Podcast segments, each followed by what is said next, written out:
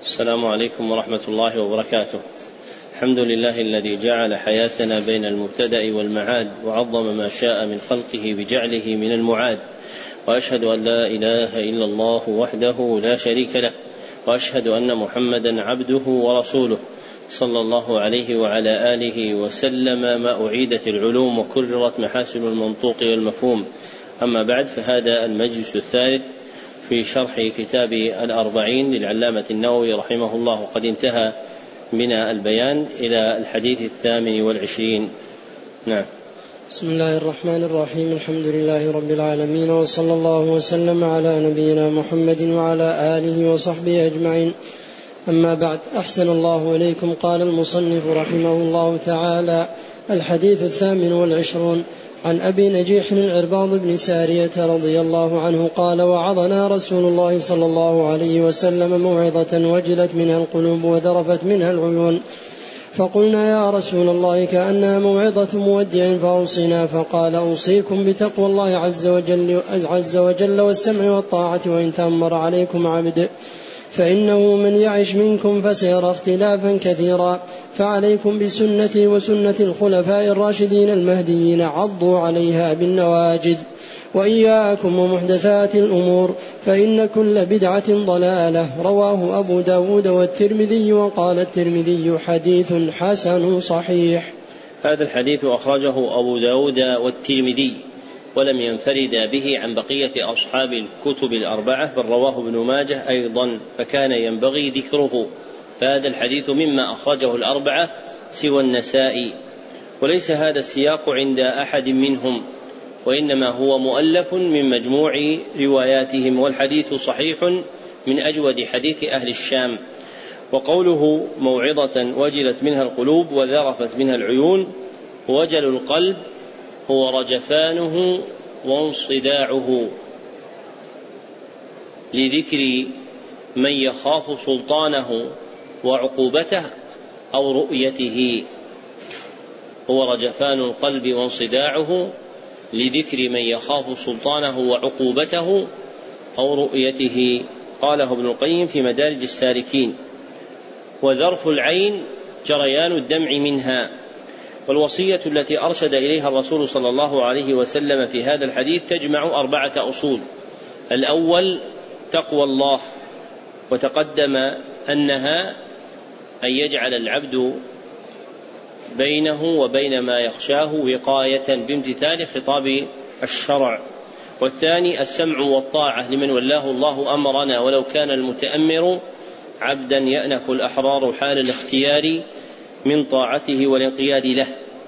والفرق بين السمع والطاعة أن السمع هو القبول والطاعة هي الامتثال والانقياد. الثالث لزوم سنة النبي صلى الله عليه وسلم وسنة الخلفاء الراشدين المهديين أبي بكر وعمر وعثمان وعلي رضي الله عنهم. وأكد الأمر بلزومها بالعض على النواجذ. وهي الأضراس إشارة إلى قوة التمسك بها. والرابع الحذر من محدثات الأمور وهي البدع وتقدم القول فيها في حديث عائشة رضي الله عنها. نعم. أحسن الله إليكم. الحديث السابع والعشرون. عن معاذ بن جبل رضي الله عنه قال قلت يا رسول الله أخبرني بعمل يدخلني الجنة ويباعدني عن النار. قال لقد سألت عن عظيم وإنه ليسير على من يسره الله تعالى عليه. تعبد الله ولا تشرك به شيئا وتقيم وت... تعبد الله ولا تشرك به شيئا وتقيم الصلاة وتؤتي الزكاة وتصوم رمضان وتحج البيت. ثم قال ألا أدلك على أبواب الخير؟ الصوم جنة والصدقة تطفئ الخطيئة كما يطفئ الماء النار وصلاة الرجل في جوف الليل ثم تلا تتجافى جنوبهم عن المضاجع حتى بلغ يعملون. ثم قال ألا أخبرك برأس الأمر وعموده وذروة سنامه؟ قلت بلى يا رسول الله قال رأس الأمر الإسلام وعموده الصلاة. وذروة سنامه الجهاد. ثم قال ألا أخبرك بملاك ذلك كله؟ قلت بلى يا رسول الله.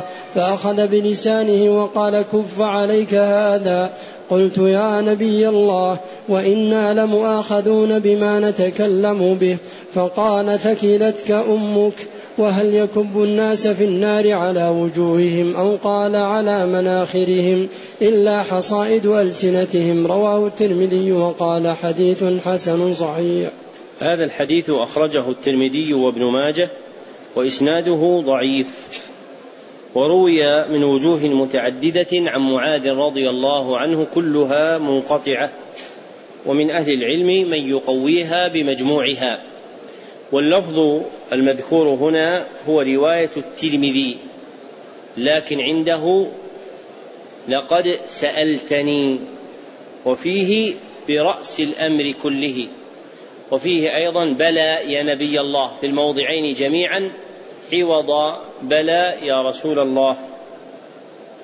وقوله تعبد الله ولا تشرك به شيئا الحديث فيه ذكر أركان الإسلام وتقدم بيانها عند حديث ابن عمر رضي الله عنهما في الصحيحين بني الإسلام على خمس والركن الأول منها مذكور في قوله تعبد الله لا تشرك به شيئا لأن مدلول شهادة أن لا إله إلا الله إفراده بالعبادة وهي المذكورة في هذا الحديث. والشهادة للنبي صلى الله عليه وسلم تابعة لها لأن عبادة الله لا تمكن إلا بطاعة المبلغ عن المعبود وهو النبي صلى الله عليه وسلم.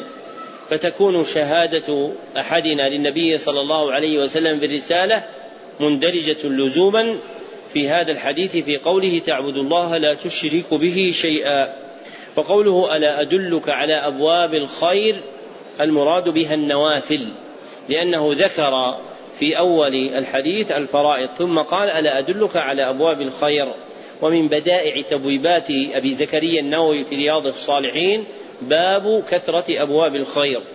وقوله الصوم جنة الجنة اسم لما يستجن ويتقى به كالدرع ونحوه فالصوم مما يتقي به الإنسان شرور الدنيا والآخرة.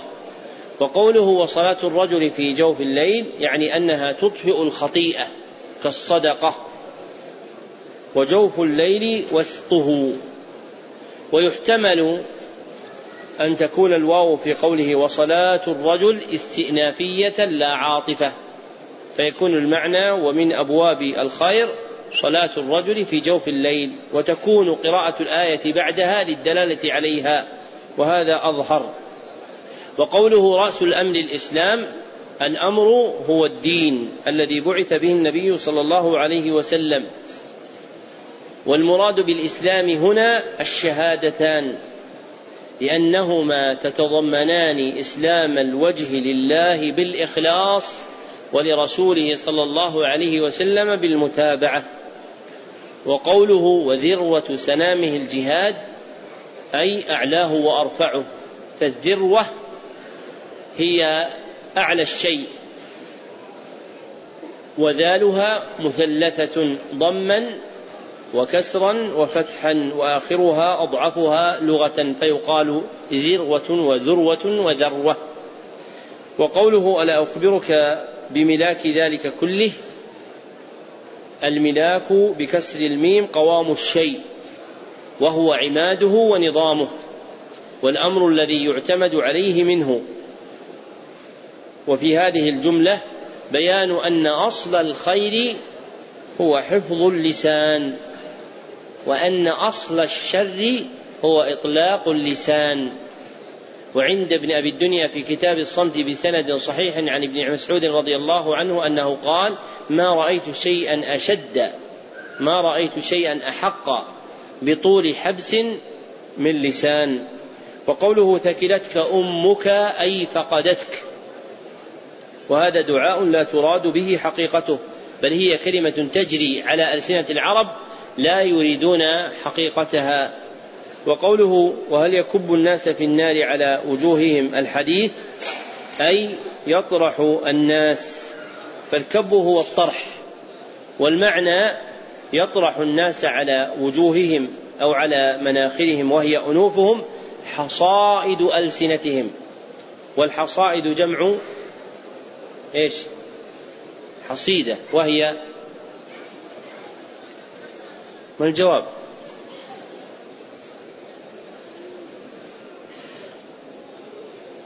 ارفع صوتك. نتيجة الزرع؟ ولا صرم الزرع؟ إيش؟ ما الذي ذكر هذا؟ لا هو هذا أتمنى هذا أن أكون أنا ذكرته. لكن الحصيدة اسم لما قيل في الناس وقطع به عليهم. اسم لما قيل في الناس وقطع به عليهم. ذكره ابن فارس في مقاييس اللغة. فبعض الناس يفسر هذا الحديث يقول لا حصائد ألسنتهم يعني يقول ذنوب اللسان. وهذا ليس صحيحا. هنا مقصود ذنب خاص من ذنوب اللسان وهو إيش؟ من يتكلم في الناس بغير حق ويحكم عليهم بغير علم.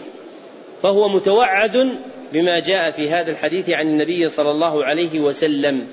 فليس المراد جنس الكلام بل المراد نوع خاص منه وهو ما كان مشتملا للقول في الناس والحكم عليهم دون علم مما يرجع إلى الغيبة والنميمه نعم. أحسن الله إليكم الحديث الثلاثون. عن أبي ثعلبة الخشني جرثوم بن ناشر رضي الله عنه عن رسول الله صلى الله عليه وسلم قال إن الله عز وجل فرض فرائض فلا تضيعوها وحد حدودا فلا تعتدوها وحرم أشياء فلا تنتهكوها وسكت عن أشياء رحمة لكم من غير نسيان فلا تبحثوا عنها. حديث حسن رواه الدار قطني وغيره. هذا الحديث أخرجه الدار قطني في السنن وإسناده ضعيف وسياقه تقديم وسياقه فيه تقديم وتأخير عما ذكر هنا وليس عنده رحمة لكم في النسخة المنشورة منه وإنما وسكت عن أشياء من غير نسيان. وفي هذا الحديث جماع أحكام الدين فقد قسمت الأحكام فيه إلى أربعة أقسام مع ذكر الواجب فيها. فالقسم الأول الفرائض والواجب فيها إيش؟ إيش في الحديث عندكم؟ عدم تضييعها والواجب فيها عدم تضييعها والقسم الثاني الحدود والمراد بها في هذا الحديث ما أذن الله به مما يشمل الفرض والنفل والمباح وهي المرادة عند ذكر التعدي. ومنه قوله تعالى تلك حدود الله فلا تقربوها. أي تلك حدود المأذون فيه من فرض ونفل ومباح فلا تتجاوزوه. تلك حدود الله فلا تعتدوها. فإن الحدود هنا ما يشمل الفرض والنفل والمباح. والمأمور به فيها عدم إيش؟ عدم تعديها. والثالث القسم الثالث المحرمات. والواجب فيها الكف عن قربانها والانتهاء عن مقارفتها. الكف عن قربانها والانتهاء عن مقارفتها. والقسم الرابع المسكوت عنه. وهو ما لا يذكر وهو ما لم يذكر بتحليل ولا تحريم. وهو ما لم يذكر بتحليل ولا تحريم. بل هو مما عفى الله عنه. والواجب فيه عدم البحث عنه. والواجب فيه عدم البحث عنه أي ترك السؤال عن حكم الشريعة فيه حال تنزل الأحكام. ترك طلب حكم الشريعة فيه حال تنزل الأحكام. وقوله وسكت عن أشياء فيه إثبات صفة السكوت لله ونقل أبو العباس بن تيمية الحفيد الإجماع عليها ومعناها إيش؟ إيش معناها؟ نعم وما الدليل؟ ما الدليل؟ معناها عدم إظهار الحكم. عدم إظهار الحكم لا الانقطاع عن الكلام. والدال على ذلك سياق الأحاديث والآثار التي ورد فيها ذكر هذه الصفة. فالسكوت يطلق على معنيين. أحدهما عدم إظهار الحكم والثاني إيش؟ الانقطاع عن الكلام. فالأول هو المثبت معنى لصفة السكوت دون الثاني والدال على ذلك سياق الأحاديث والآثار ونظير هذا صفة النسيان لله فإن صفة النسيان من الصفات الثابتة لله كما قال تعالى إيش؟ نسوا الله فنسيهم لكن النسيان المثبت لله ليس بمعنى الذهول عن المعلوم بل معناه الترك عن علم وعمد.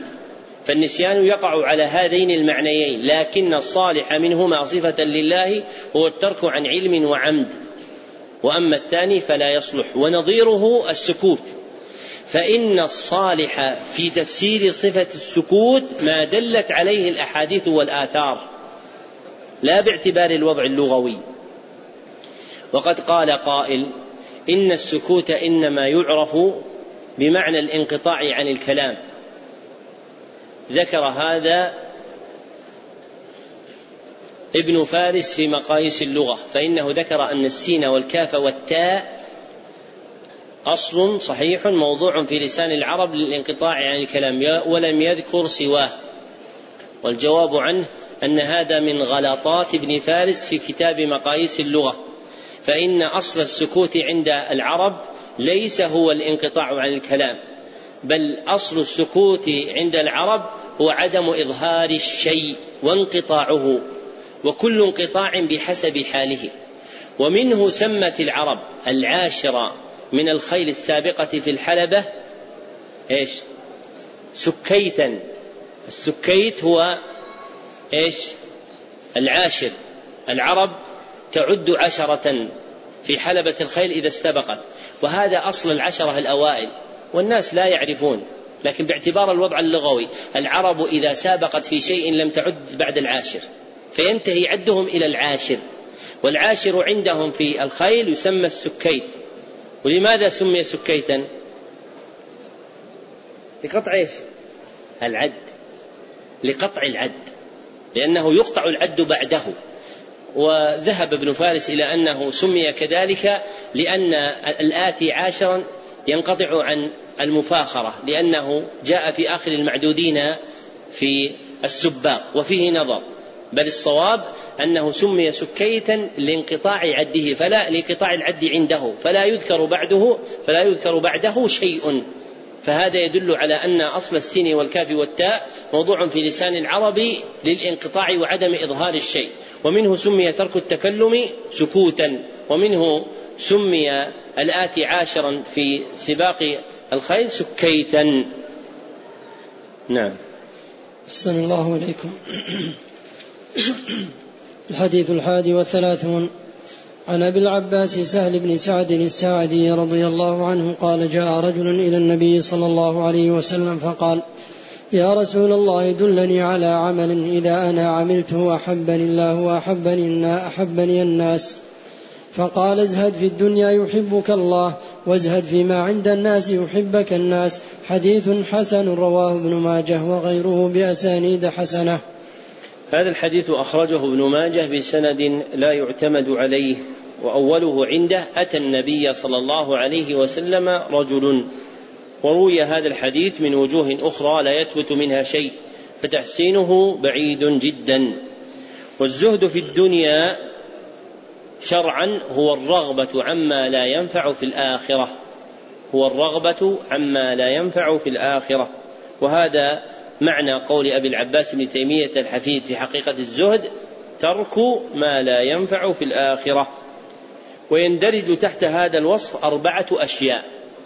أحدها المحرمات وثانيها المكروهات وثالثها المشتبهات لمن لم يتبينها ورابعها فضول المباحات فالزهد واقع فيها ليس غير وما كان زائدا عنها فلا مدخل للزهد فيه فليس من الزهد ترك تناول المباح وإنما متعلق المباح من متعلق الزهد من المباح في ترك الفضول دون أصل المباح. فرق بين المباح وفضول المباح. المباح هو الذي يؤخذ للحاجة والفضول ما زاد عن الحاجة. ما زاد عن الحاجة. وما حكم فضول المباح؟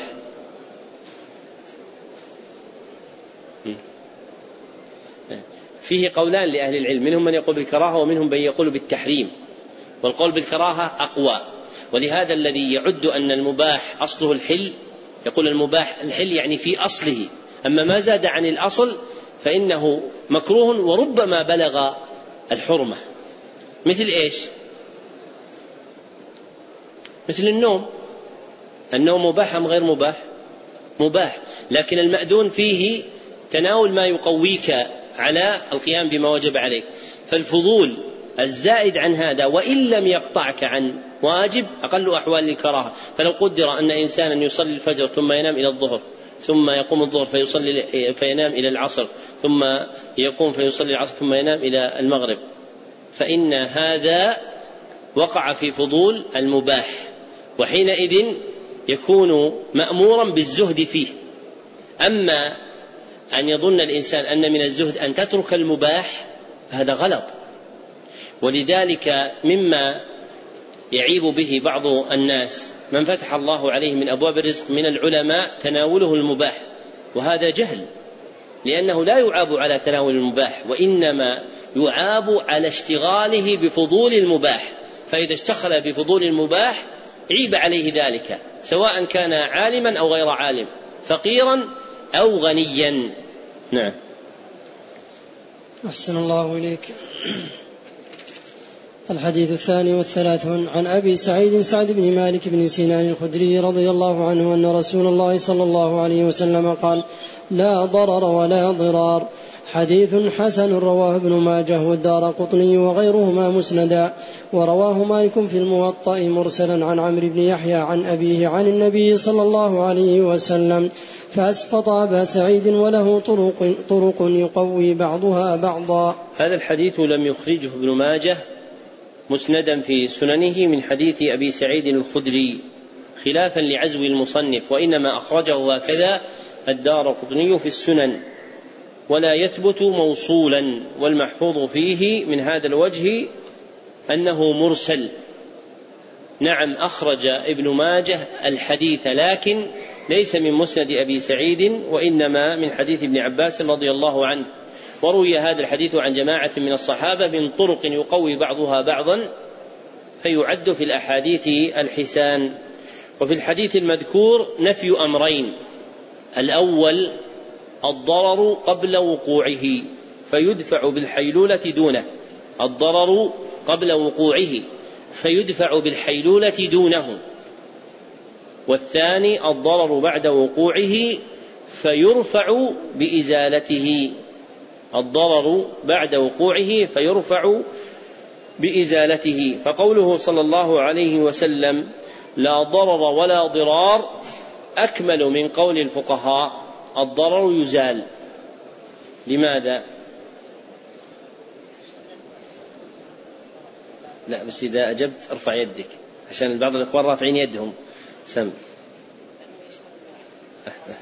أحسن أحسن.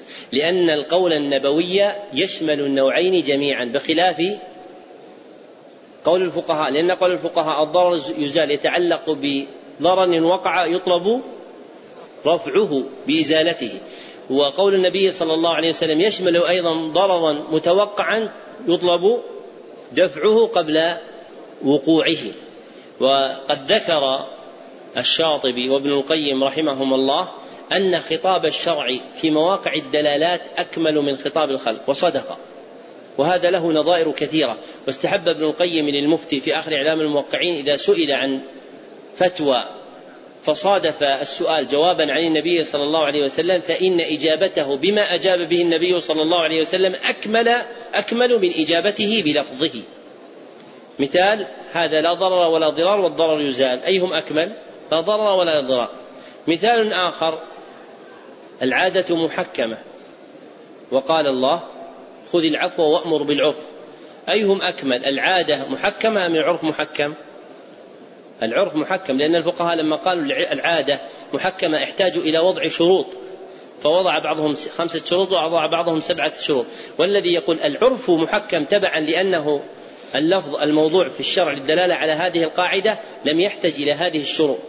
والقواعد الخمس الكبرى الكلية المعروفة عند الفقهاء منتقدة جميعا من جهة سياقتها لوقوعها على خلاف مدلولات الشرع في نظائرها.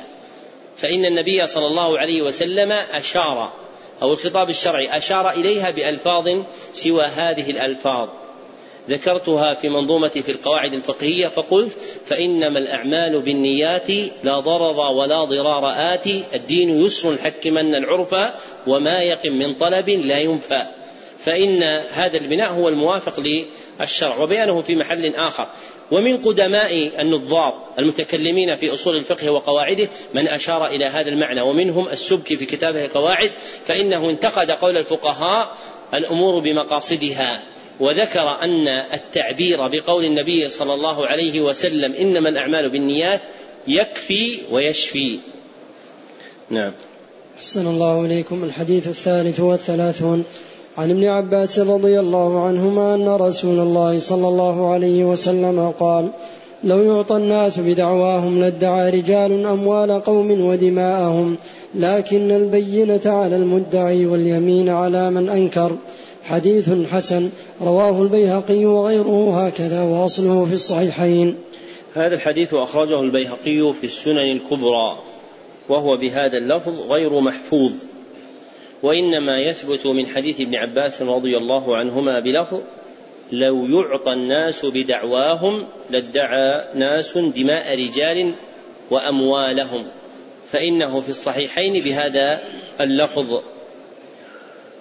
والدعوى اسم لما يضيفه المرء لنفسه مستحقا على غيره. اسم لما يضيفه المرء إلى نفسه مستحقا على غيره. كقول أحدهم لي على فلان الف ريال والبينة اسم لما يبين به الحق ويظهر اسم لما يبين به الحق ويظهر كالشاهد وغيره. والمدعي هو من إذا سكت ترك لأنه صاحب المطالبة بالادعاء المدعي هو من إذا سكت ترك لأنه صاحب المطالبة بالادعاء. والمدعى عليه هو من إذا سكت إيش؟ لم يترك. هو من إذا سكت لم يترك لأنه المطالب بمضمن الدعوى. لأنه المطالب بمضمن الدعوى. وقوله واليمين على من أنكر أي من أنكر دعوى المدعي فعليه اليمين. وهي القسم. ومقتضى هذا الحديث أن البينة على المدعي وأن اليمين على المدعى عليه وليس هذا مضطردا في حكم الشريعة. فيكون الحديث من العام المخصوص. فإن الدعوة ينظر إلى ما يحفها من القرائن والأحوال. فربما جعلت اليمين على المدعي وربما جعلت على المدعى عليه بحسب القرائن المبينة في كتاب الدعاوى والبينات عند الفقهاء في تآليفهم. نعم. صلى الله عليكم حديث الرابع والثلاثون. عن أبي سعيد الخدري رضي الله عنه قال سمعت رسول الله صلى الله عليه وسلم يقول من رأى منكم منكرا فليغيره بيده. فإن لم يستطع فبلسانه فإن لم يستطع فبقلبه وذلك ضعف الإيمان رواه مسلم. هذا الحديث متضمن الأمر بتغيير المنكر والمنكر في الشرع اسم جامع لكل ما أنكره الشرع اسم جامع لكل ما أنكره الشرع بالنهي عنه على وجه التحريم بالنهي عنه على وجه التحريم. وتغيير المنكر له ثلاث مراتب. الأولى تغيير المنكر باليد والثانية تغيير المنكر باللسان والثالثة تغيير المنكر بالقلب. والمرتبتان الأوليان مقرونتان بالاستطاعة فمن كان له استطاعة على الإنكار باليد أو اللسان فعله وكان هو الواجب في حقه. أما من لم تكن له استطاعة عليهما فإنه يجب عليه الإنكار بالقلب والإنكار القلبي لا يسقط بحال لاستواء الناس جميعا في القدرة عليه وحقيقة الإنكار بالقلب هو كراهته المنكر وبغضه إياه هو كراهته المنكر وبغضه إياه ولا يلزم أن يقارنه تقطيب الجبين ولا غير ذلك من تغير أحوال المرء بل متى وجد في قلبه بغض المنكر وكراهته كفى ذلك في إنكاره المنكر بقلبه ولا يلزم ظهور آثارها على وجهه. ووجوب تغيير المنكر مشروط في هذا الحديث بشرط وهو الرؤية البصرية بالعين لأن النبي صلى الله عليه وسلم قال من رأى منكم منكرا دون الرؤية العلمية القلبية لأن الفعل المذكور في الحديث وقع وراءه مفعول واحد وهذا هو عمل رأى البصرية وأما رأى العلمية فإنها تتطلب مفعولين. فلما كان الحديث رأى منكرا ولم يذكر إلا مفعولا واحدا علم أن الرؤية المرادة هي الرؤية التي التي بالعين بالبصر. وأما عدا ما عدا ذلك فإنه لا ينزل منزلته إلا السماع المحقق المقارن للتثبت والروية. فالسماع المحقق المقترن بالتثبت والروية ينزل منزلته وهذا أمر يحتاج إليه في حسن الأخذ في هذه الأعصار المتأخرة. فإن كثيرا من الناس ربما روج وقوع منكر لا حقيقة له بناء على الظنون والتوهمات وتبعا لما صار إليه الناس من التساهل في إطلاق لسانهم بإشاعة المنكرات. ولم تكن هذه جادة السلف. فإن السلف رحمهم الله تعالى كانوا ينهون عن إشاعة المنكرات وبثها. فقال بعضهم من أشاع منكرا فقد أعان على هدم الإسلام. لأن المنكرات لأن المنكرات إنما يطلب هدمها ووأدها لا بثها في نفوس المسلمين. لما يكون له من الأثر في إضعاف الإيمان وإذهاب هيبة الحق في النفوس وتقوية أهل الباطل. فمن رأى منكرا فإن الواجب عليه هو إنكاره ولا يجوز له أن يبثه بين المسلمين. فما يفعله بعض الناس من إشاعة المنكرات بذكر مواضعها في رسائل الإنترنت أو الجوال أو غيرها خلاف حكم الشريعة. فإن علمك بالمنكر يجب عليك أن تنكره أو تبلغه إلى ما إلى من ينكره. وأما بثه بين المسلمين والترويج له وإظهاره وتكثير القول به فهذا محرم لا يجوز. نعم. أحسن الله إليكم. الحديث الخامس والثلاثون. عن أبي هريرة رضي الله عنه قال قال رسول الله صلى الله عليه وسلم لا تحاسدوا ولا تناجشوا ولا تباغضوا ولا تدابروا ولا يبع بعضكم على بيع بعض وكونوا عباد الله إخوانا المسلم أخو المسلم لا يظلمه ولا يخذله ولا يكذبه ولا يحقره التقوى ها هنا ويشير إلى صدره ثلاث مرات بحسب امرئ من الشر أن يحقر أخاه المسلم. كل المسلم على المسلم حرام دمه وماله وعرضه رواه مسلم. هذا الحديث أخرجه مسلم في الصحيح دون قوله ولا يكذبه فإنها غير واردة في روايته. جزم بذلك جماعة من الحفاظ. وليس هذا من اختلاف النسخ بل من غلط بعض من يذكر الحديث فيدخل فيه هذه الجملة. ووقع هذا عند المتأخرين في أحاديث كثيرة. يزيدون جملا لا توجد في المسندات. كزيادتهم في حديث شداد بن أوس المشهور.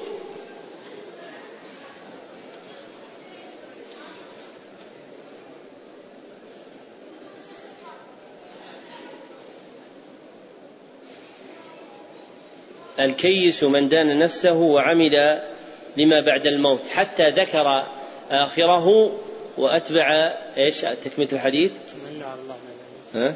تمنى على الله وتمنى على الله الأماني. أحسنت. وتمنى على الله الأماني. فإن لفظة الأماني لا توجد مسندة. وإنما زادها بعض المتأخرين من القرن السادس إلى يومنا هذا ولا توجد في حديث شداد في كتب الإسلام المعروفة. وقوله صلى الله عليه وسلم لا تحاسدوا نهي عن التحاسد. وحقيقة الحسد كراهية العبد جريان النعمة على غيره. كراهية العبد جريان النعمة على غيره سواء اقترن بذلك محبة زوالها أم لم يقترن. وقوله ولا تناجشوا نهي عن النجش. وأصله في لسان العرب إثارة الشيء بالمكر والاحتيال والخداع. فالنجش المنهي عنه هنا يرجع إلى النهي عن إحراز المطالب بالحيلة والخداع. ومنه البيع المعروف عند الفقهاء ممن يزيد في السلعة لا يريد شراءها. وحمل الحديث على البيع فقط قصور في فهم الوضع اللغوي فإن الوضع اللغوي للنجش يعم إحراز جميع المطالب بحيلة ومكر وخديعة فيكون الحديث ناهيا عن ذلك كله. وقوله لا, تبا ولا تباغض نهي عن التباغض إذا عدم المسوغ الشرعي. أما إذا كان الحامل على ذلك اتباع الشريعة فإنه يكون مأمورا به. وقوله ولا تدابروا نهي عن التدابر وهو التقاطع والتهاجر والهجر نوعان. أحدهما هجر المسلم أخاه لأجل أمر دنيوي ولا يحل فوق ثلاث والآخر هجره لأجل أمر ديني. فتجوز الزيادة على الثلاث لحديث الثلاثة الذين خلفوا وتقدير المدة معلق بالمفسدة والمصلحة.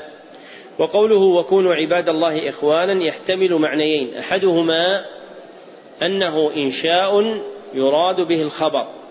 أي متى تركتم التحاسد والتباغض والتناجش والتدابر ولم يبع بعضكم على بيع بعض كنتم إخوانا كنتم عباد الله إخوانا. والآخر أن المراد به حقيقة الأمر أي كونوا عباد الله إخوانا. فيكون الحديث متضمنا الأمر بتحصيل كل سبب يحقق الأخوة الدينية وكلا المعنيين صحيح. وقوله التقوى ها هنا ويشير إلى صدره ثلاث مرات أي أن أصل تقوى الله عز وجل في القلوب. ومن ثم أشار النبي صلى الله عليه وسلم إلى صدره للإعلام بأن مستقرها في القلب مع ظهور آثارها على الإنسان في لسانه وبقية جوارحه فهي بمنزلة البذرة المخفية في الأرض إذا ارتفعت فخرجت أوراق الشجرة وثمارها. ومن يقول التقوى ها هنا ويشير إلى قلبه ولا تبدو آثار التقوى عليه فإنه كاذب في دعواه.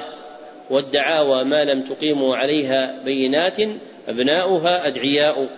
نعم. أحسن الله إليكم. الحديث السادس والثلاثون عن أبي هريرة رضي الله عنه عن النبي صلى الله عليه وسلم قال من نفس عن مؤمن كربة من كرب الدنيا نفس الله عنه كربة من كرب يوم القيامة. ومن يسر على معسر يسر الله عليه في الدنيا والآخرة. ومن ستر مسلما ستره الله في الدنيا والآخرة. والله في عون العبد ما كان العبد في عون أخيه.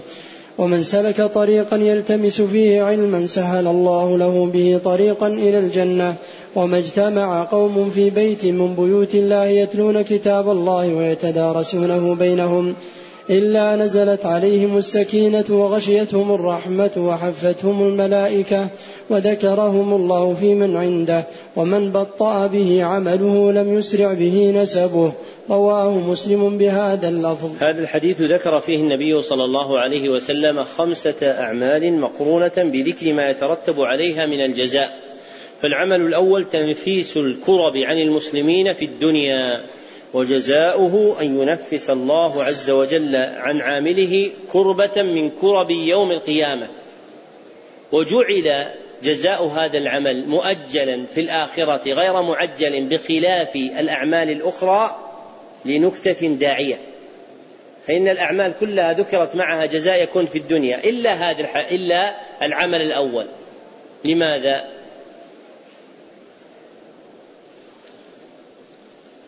الجملة الثانية إيش؟ ومن يسر على معسر يسر الله عليه متى؟ في الدنيا والآخرة. طيب لماذا جعل تنفيس الكرب في الجملة الأولى مؤجل إلى الآخرة؟ لماذا ما جعل في الدنيا والآخرة؟ أحسنت لأن أعظم الكرب المستحقة للتنفيس هي كرب الآخرة فلا تعد عندها كرب الدنيا شيئا فلجلالة الجزاء بها أخر إلى يوم القيامة. والعمل الثاني التيسير على المعسر وجزاؤه أن ييسر الله عز وجل على عمله في الدنيا والآخرة. والثالث الستر على المسلم وجزاؤه أن يسر الله عز وجل على عامله في الدنيا والآخرة. والناس في باب الستر قسمان. أحدهما من لا يعرف بالفسق ولا شهر به. من لا يعرف بالفسق ولا شهر به. فهذا متى زلت قدمه بمقارفة الخطيئة ستر عليه وحرم بث خبره والآخر من كان مشتهرا بالمعاصي متهتكا فيها. فهذا يجب رفع أمره إلى السلطان لقطع دابره ووأد منكره في عقر داره وصرما لشجرة الخبث من أن تتطاول أغصانها وتكثر أوراقها. والرابع سلوك طريق يلتمس فيه العبد علما. وجزاؤه أن يسهل الله له طريقا في الجنة. أن يسهل الله له به طريقا إلى الجنة. أن يسهل الله له به طريقا إلى الجنة. وهذا يشمل تسهيل ذلك في الدنيا وفي الآخرة. فتسهيل في الدنيا كيف يكون؟ بهدايته إلى أعمال الخير فيها. وفي الآخرة بهدايته إلى الصراط المستقيم. فالذي يسلك طريقا يلتمس يلتمس فيه علما يسهل الله له به طريقا إلى الجنة في الدنيا والآخرة. فأما في الدنيا فبالهداية إلى أعمال الخير. وأما في الآخرة فبالهداية إلى الصراط المستقيم. والخامس الجلوس في المساجد للاجتماع على تلاوة كتاب الله وتدارسه وجزاؤه نزول السكينة وغشيان الرحمة وحف الملائكة وذكر الله عز وجل المجتمعين في من عنده. وقوله صلى الله عليه وسلم في أثناء ذكر هذه الأعمال والله في عون العبد ما كان العبد في عون أخيه بيان الأصل الجامع للعمل والجزاء. فالأصل الجامع للعمل معونة المسلم والأصل الجامع للجزاء معونة الله عز وجل عبده. ثم ختم النبي صلى الله عليه وسلم هذا الحديث بقوله ومن بطأ به عمله لم يسرع به نسبه إعلاما بمقام العمل وأن من وقف به عمله عن بلوغ مقامات العلا في الآخرة لم يرفعه عظم نسبه ولا جلالة جاهه إليها. نعم. أحسن الله إليكم. الحديث السابع والثلاثون. عن ابن عباس رضي الله عنهما عن رسول الله صلى الله عليه وسلم فيما يرويه عن ربه تبارك وتعالى قال إن الله كتب الحسنات والسيئات ثم بين ذلك فمن هم بحسنة فلم يعملها كتبها الله عنده حسنة كاملة وإن هم بها فعملها كتبها الله عنده عشر حسنات إلى سبعمائة ضعف إلى أضعاف كثيرة. وإن هم بسيئة فلم يعملها كتبها الله عنده حسنة كاملة. وإن هم بها فعملها كتبها الله كتبها الله سيئة واحدة. رواه البخاري ومسلم في صحيحيهما في صحيحيهما بهذه الحروف.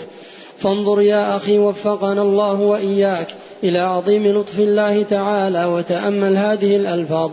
قوله صلى الله عليه وسلم عنده إشارة إلى الاعتناء بها وقوله كاملة للتأكيد وشدة الاعتناء بها. وقال في السيئة التي هم بها ثم تركها كتبها الله عنده حسنة كاملة فأكدها بكاملة. وإن عملها كتبها الله سيئة واحدة فأكد تقليلها. بواحدة ولم يؤكدها بكاملة فلله الحمد والمنة سبحانه لا نحصي ثناء عليه وبالله التوفيق. قوله تعالى إن الله كتب الحسنات والسيئات المراد بالكتابة هنا الكتابة القدرية وهي تشمل أمرين. الأول كتابة عمل الخلق لها والثاني كتابة ثوابها وتعيينه وكلاهما حق إلا أن السياق يدل على الثاني لقوله في الحديث ثم بين ذلك فذكر الثواب عليهما وعينه. والحسنة في الشرع اسم لكل ما وعد عليه بالثواب الحسن اسم لما وعد عليه بالثواب الحسن وهي كل ما أمر الشرع به. وهي كل ما أمر الشرع به والسيئة اسم لكل ما توعد عليه بالثواب السيء اسم لكل ما توعد عليه بالثواب السيء وهي كل ما نهى عنه الشرع نهي تحريم وهي كل ما نهى عنه الشرع نهي تحريم فتندرج الفرائض والنوافل في اسم الحسنة. وتختص السيئه بماذا؟ بالمحرم. وتختص السيئه بالمحرم. ولذلك المكروه هل هو سيئة؟ إيش؟ سيئة أم لا؟ طيب المكروه هل هو حسنة؟ ما الجواب؟ ليس بحسنة ولا سيئة فماذا يكون؟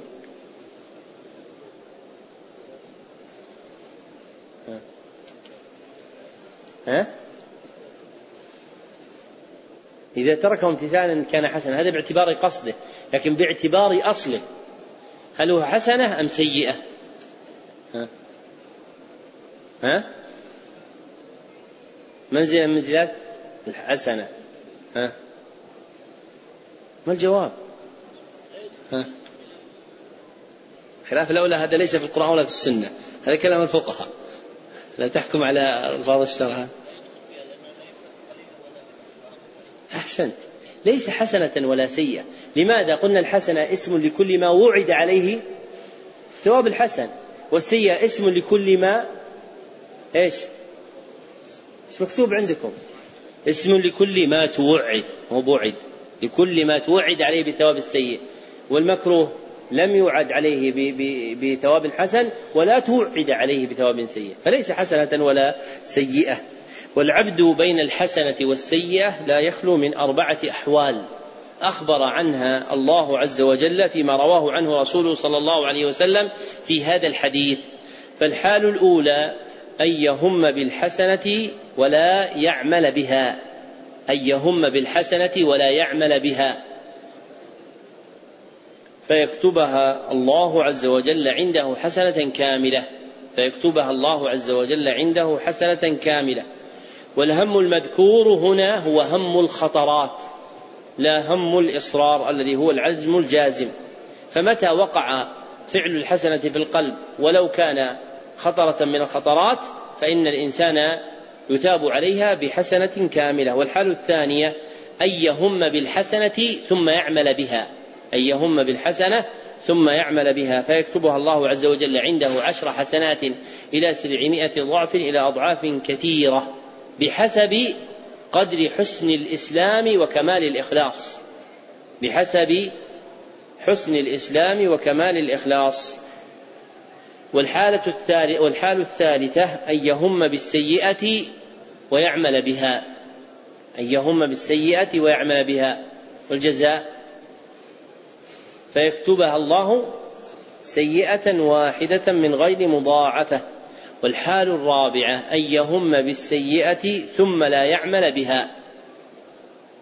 وترك العمل بالسيئة واقع لأحد أمرين.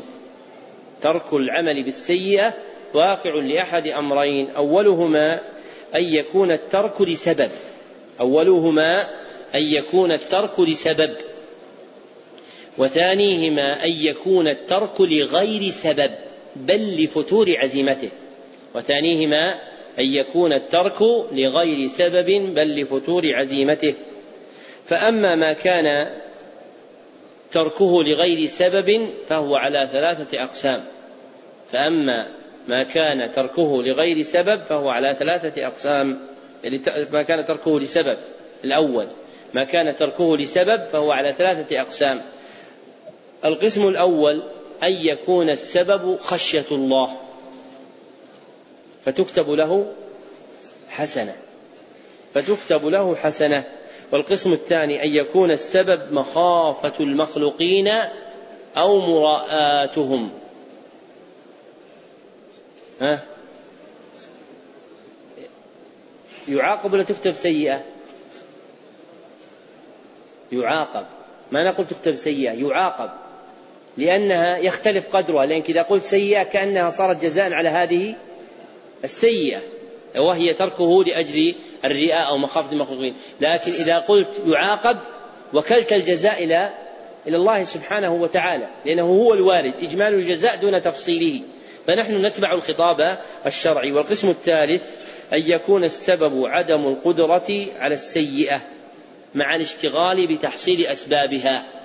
أن يكون السبب عدم القدرة على السيئة مع الاشتغال بتحصيل أسبابها فهذا يعاقب كمن عمل فتكتب سيئة. فهذا يعاقب كمن عمل فتكتب سيئة. وأما ما كان الترك لغير سبب بل لفتور عزيمته فهو على قسمين. ما كان الترك لغير سبب بل لفتور عزيمته فهو على قسمين. القسم الأول أن يكون الهم بالسيئة هم خطرات فلم يسكن إليها قلبه ولا انعقد عليها بل نفر منها فهذا معفو عنه بل تكتب له حسنة جزاء عدم سكون قلبه إليها ونفرته منها وهو المقصود في الحديث. والقسم الثاني أن يكون الهم بالسيئة هم عزم. أن يكون الهم بالسيئة هم عزم وهم العزم هو الهم المشتمل على الإرادة الجازمة المقترنة بالتمكن من الفعل هو الهم المشتمل على الإرادة الجازمة المقترنة بالتمكن من الفعل. فهذا على نوعين. أحدهما ما كان من أعمال القلوب كالشك في الوحدانية والتكبر والعجب فهذا يترتب عليه أثره ويؤاخذ العبد به وربما صار منافقا أو كافرا بسبب ذلك. والآخر ما كان من أعمال الجوارح فيصر قلبه عليه هاما به هم عزم. ما كان من أعمال الجوارح فيهم قلبه به عازما عليه متمكنا منه لكن لا يظهر أثره في الخارج. فجمهور أهل العلم على المؤاخذة به أيضا فجمهور أهل العلم على المؤاخذة به أيضا وهو اختيار جماعة من المحققين منهم المصنف وأبو العباس بن تيمية الحفيد رحمهما الله. وهذه التقاسيم حصيلة بحث سنين فإن هذه المسألة من غوامض المسائل. والذي يقرأ حديثا واحدا لا يفهمه يظن أنه يخالف هذا التقرير. مثل حديث إن الله عفى عن أمتي إيش ما حدثت به أنفسها ما لم تعمل به أو تكلم. الحديث قال إيش؟ ما حدثت به أنفسها. ما قال ما همت به هم عزيمة. تحديث النفس هو الخاطر الذي يمر ولا يستقر. وهذه المسألة من قرأ كلام أهل العلم فيها ولا سيما أبو العباس بن تيمية الحفيد وابن رجب رحمهما الله علم قدر هذه المسألة من الغموض والإشكال. نعم. أحسن الله إليكم. الحديث الثامن والثلاثون. عن أبي هريرة رضي الله عنه قال قال رسول الله صلى الله عليه وسلم إن الله تعالى قال من عاداني وليا فقد آذنته بالحرب وما تقرب إلي عبدي بشيء أحب إلي مما افترضته عليه ولا يزال عبدي يتقرب إلي بالنوافل حتى أحبه. فإذا أحببته كنت سمعه الذي يسمع به وبصره الذي يبصر به ويده التي يبطش بها ورجله التي يمشي بها. ولئن سألني لأعطينه ولئن استعاذني لأعيذنه. رواه البخاري. هذا الحديث أخرجه البخاري بهذا اللفظ. ووقع في بعض روايات البخاري وإن سألني لأعطينه. وكذا وقع فيه ولئن استعاذ بي. وزاد في آخره وما ترددت عن شيء أنا فاعله ترددي عن نفسي المؤمن يكره الموت وأنا أكره مساءته وذكر النبي صلى الله عليه وسلم في هذا الحديث جزاء معاداة أولياء الله عن ربه عز وجل في الحديث القدسي المذكور والولي شرعا إيش؟ يا أخي.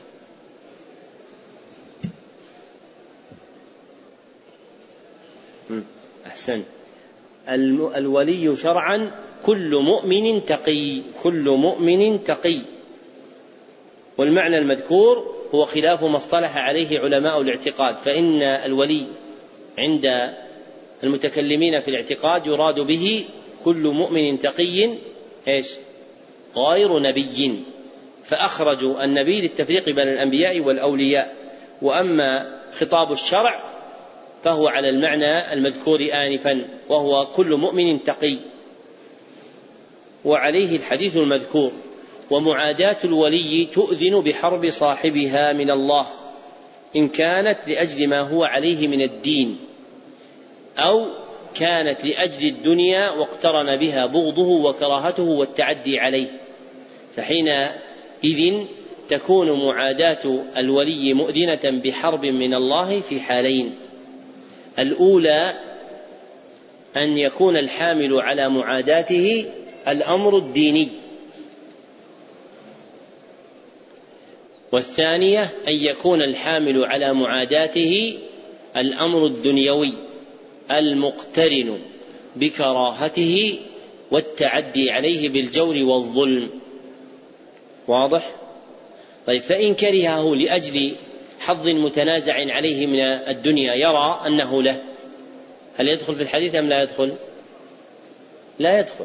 إذا كان لأجل تجد أناس صالحين يعدون من أهل الفضل والخير ولكن لهم أملاك فيها نزاع فمقابلهم المدعي عليهم الذي يعاديهم لأجل أمر دنيوي دون تعد ولا جور لا يكون مندرجا في هذا الحديث. وقوله تعالى في آخره فإذا أحببته كنت سمعه الذي يسمع به إلى آخره معناه أن يوفقه الله إلى ما يسمع فيكون موافقا لما يحبه الله ويرضاه. فلا يقع شيء من أعماله سمعا وبصرا وأخذا ومشيا إلا وفق أمر الله عز وجل. نعم.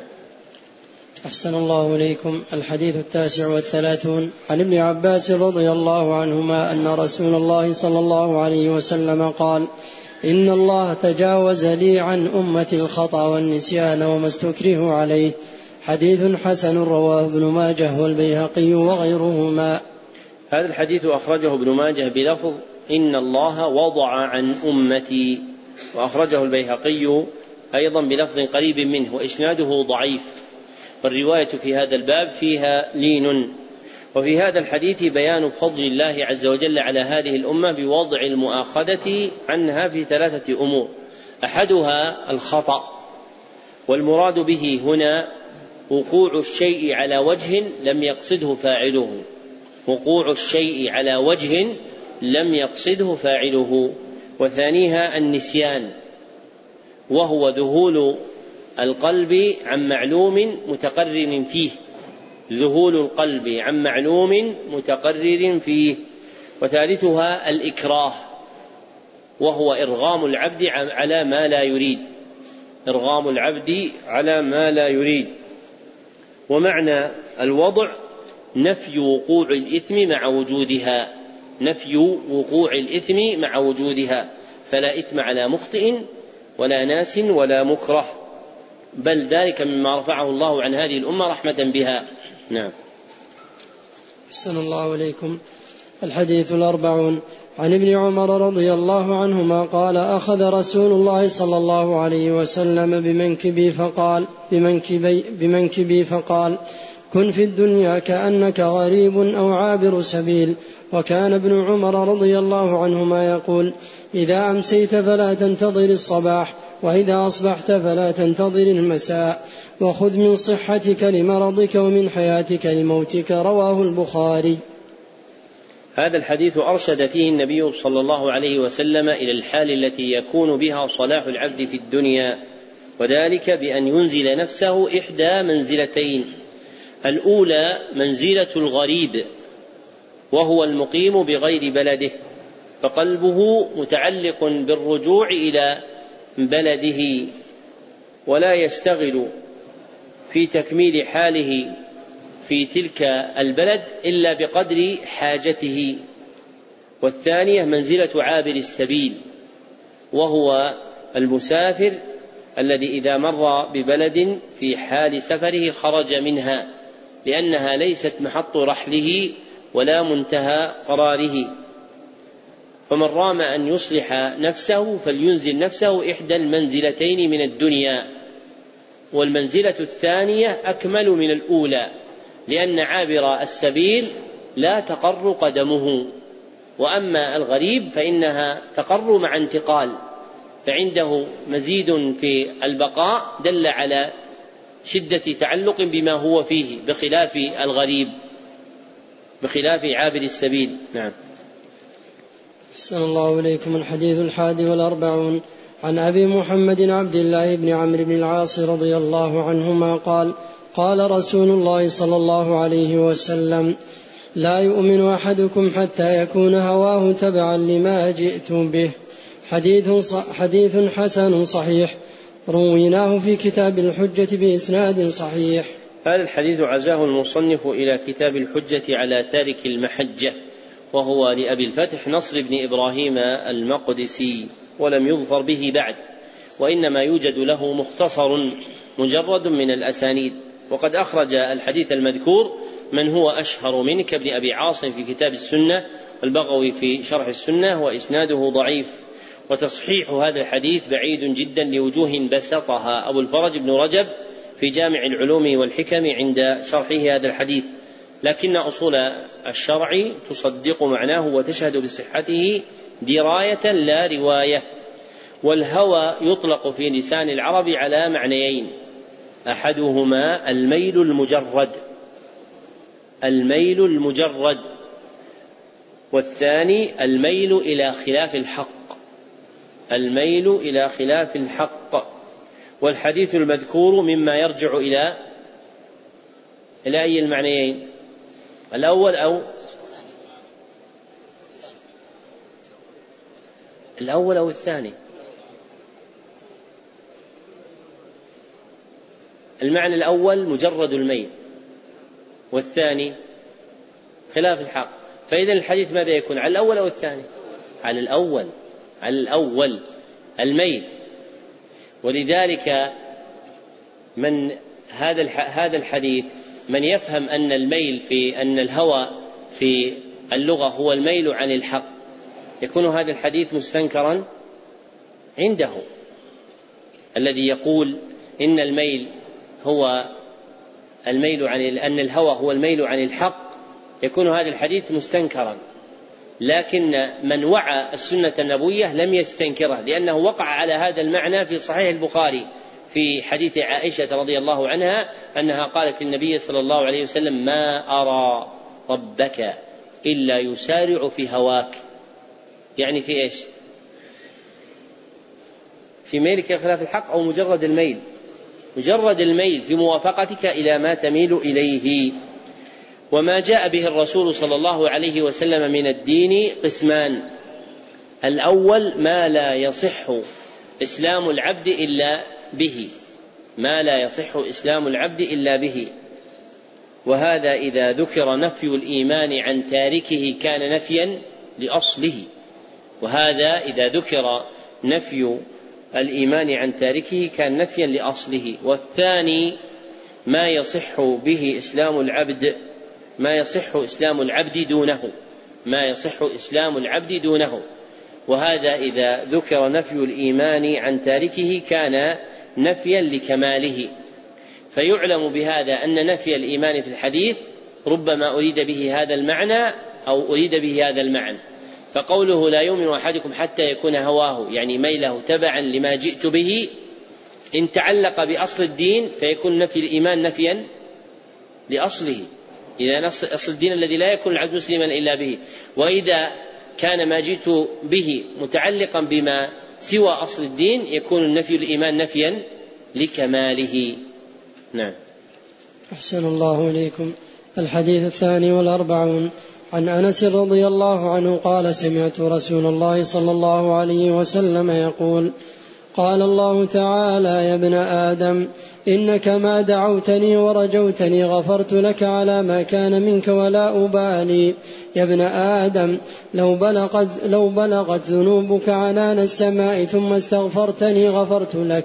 يا ابن آدم إنك لو أتيتني بقراب الأرض خطايا ثم لقيتني لا تشرك بي شيئا لأتيتك بقرابها مغفرة. رواه الترمذي وقال حديث حسن صحيح. هذا الحديث أخرجه الترمذي في الجامع وفي إسناده كلام إلا أن الحديث بمجموع طرقه وما له من المتابعات والشواهد هو من جملة الأحاديث الحسان ولفظه في النسخ التي في أيدينا على ما كان فيك عوض على ما كان منك الذي ذكره المصنف وهو مشتمل على ذكر ثلاثة أسباب تحصل بها المغفرة. أولها الدعاء المقترن بالرجاء. الدعاء المقترن بالرجاء. وثانيها الاستغفار. وثالثها توحيد الله. وإنما أخر أثره وإنما أخر ذكره مع عظم قدره لجلالة أثره. فإن أثر التوحيد في محو الذنوب لا يقاربه شيء. لقوله في هذا الحديث الإلهي لأتيتك بقرابها مغفرة. والقراب اسم لملء الشيء. فيكون المعنى لو أتيتني بملء الأرض ذنوبا ولقيتني موحدا غفرت لك والعنان بفتح العين هو السحاب. نعم. احذر شيئا يسيرا نعم. خاتمة الكتاب فهذا آخر ما قصدته من بيان الأحاديث التي جمعت قواعد الإسلام وتضمنت ما لا يحصى من أنواع العلوم في الأصول والفروع والآداب وسائر وجوه الأحكام.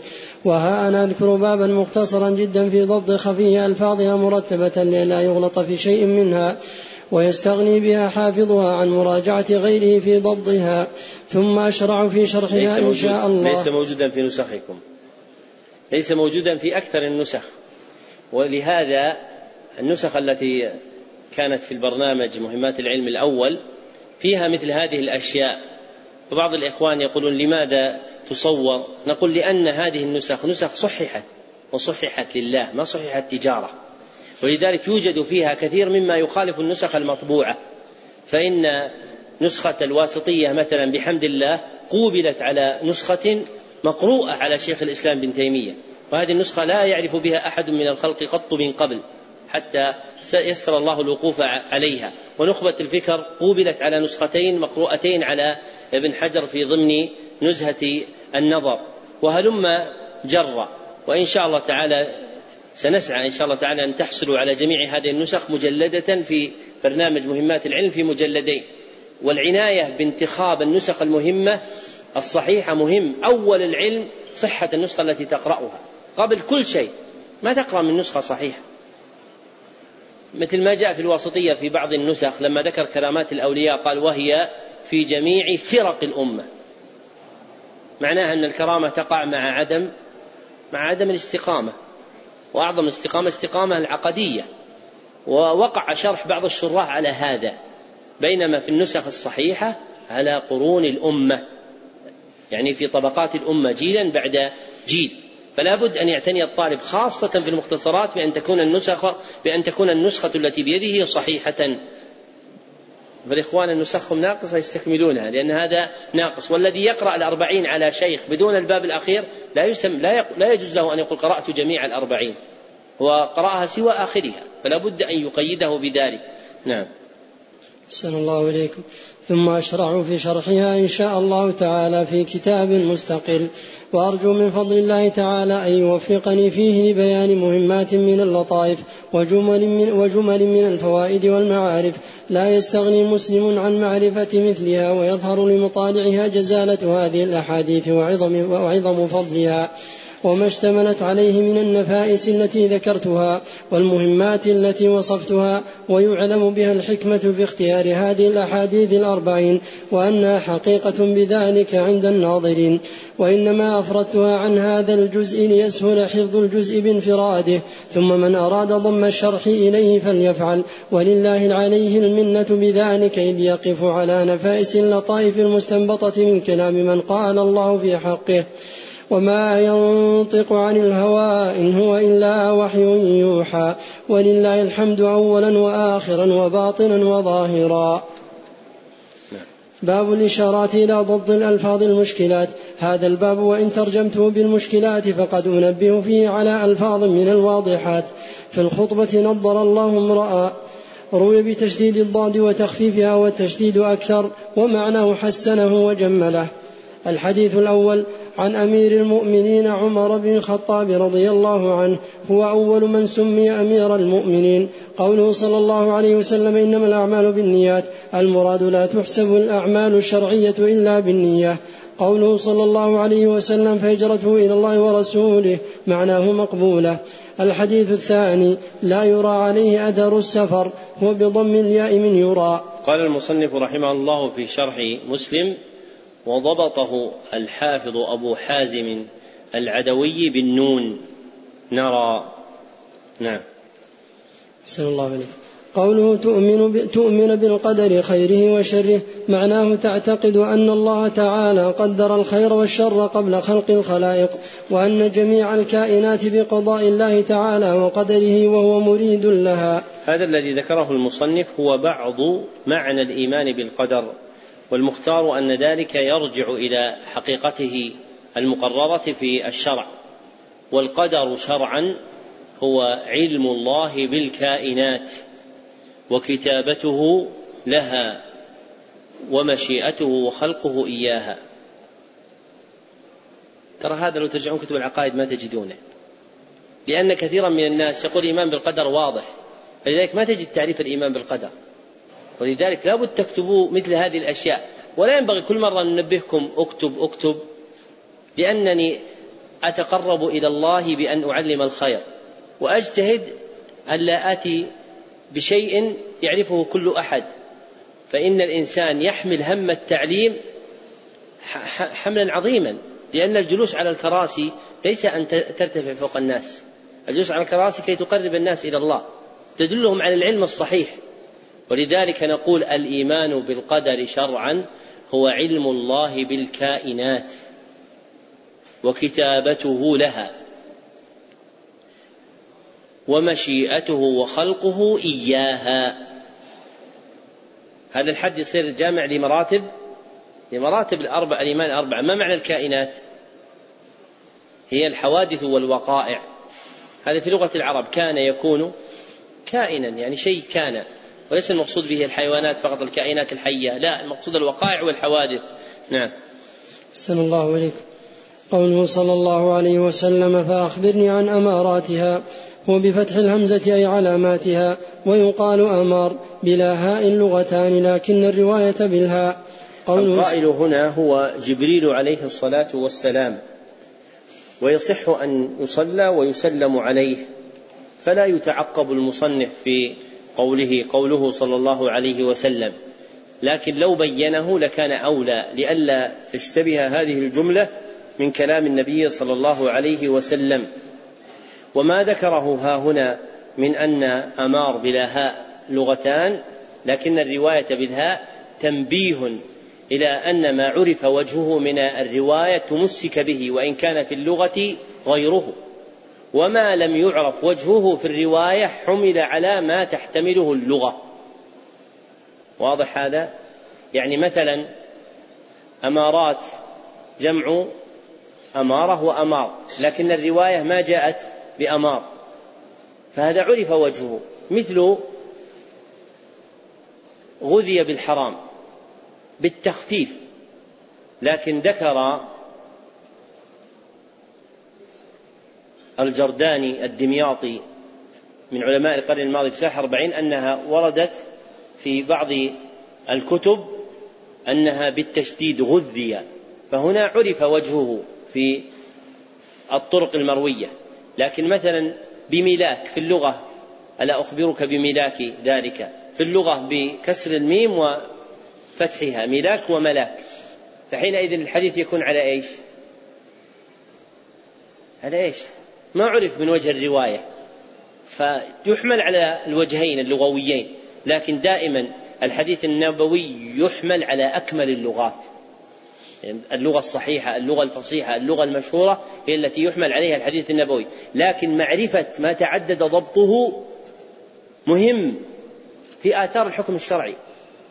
فمثلا في الصحيح في دعاء النبي صلى الله عليه وسلم في ركوعه وسجوده سبوح قدوس رب الملائكة الروح وفيها وجه لغوي آخر سبوح قدوس رب الملائكة والروح.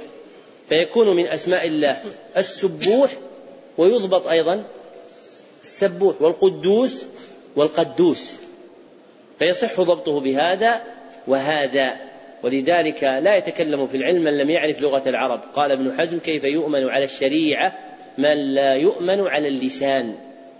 وكثير من الأخطاء التي وقعت في فهم الشريعة أتت من العجمة. ذكر هذا الحسن البصري وبسطه الشاطبي في الاعتصام وغيره. نعم. أحسن الله إليكم قوله طيب, طيب نعطيكم فائدة. الآن قال هو قوله صلى الله عليه وسلم وذكر كلام عن جبريل. الأصل أن العلماء إذا ذكروا جبريل أو آدم أو نوح أو إبراهيم قالوا عليهم الصلاة والسلام. ولا يقولون صلى الله عليه وسلم. صح؟ لماذا طيب هذا؟ هذه من ملح العلم لتنشطكم. لماذا نقول قال إبراهيم عليه الصلاة والسلام؟ ما نقول قال إبراهيم صلى الله عليه وسلم؟ مع أنهما بنفس نفس المعنى هي صلاة وسلام. ما الجواب؟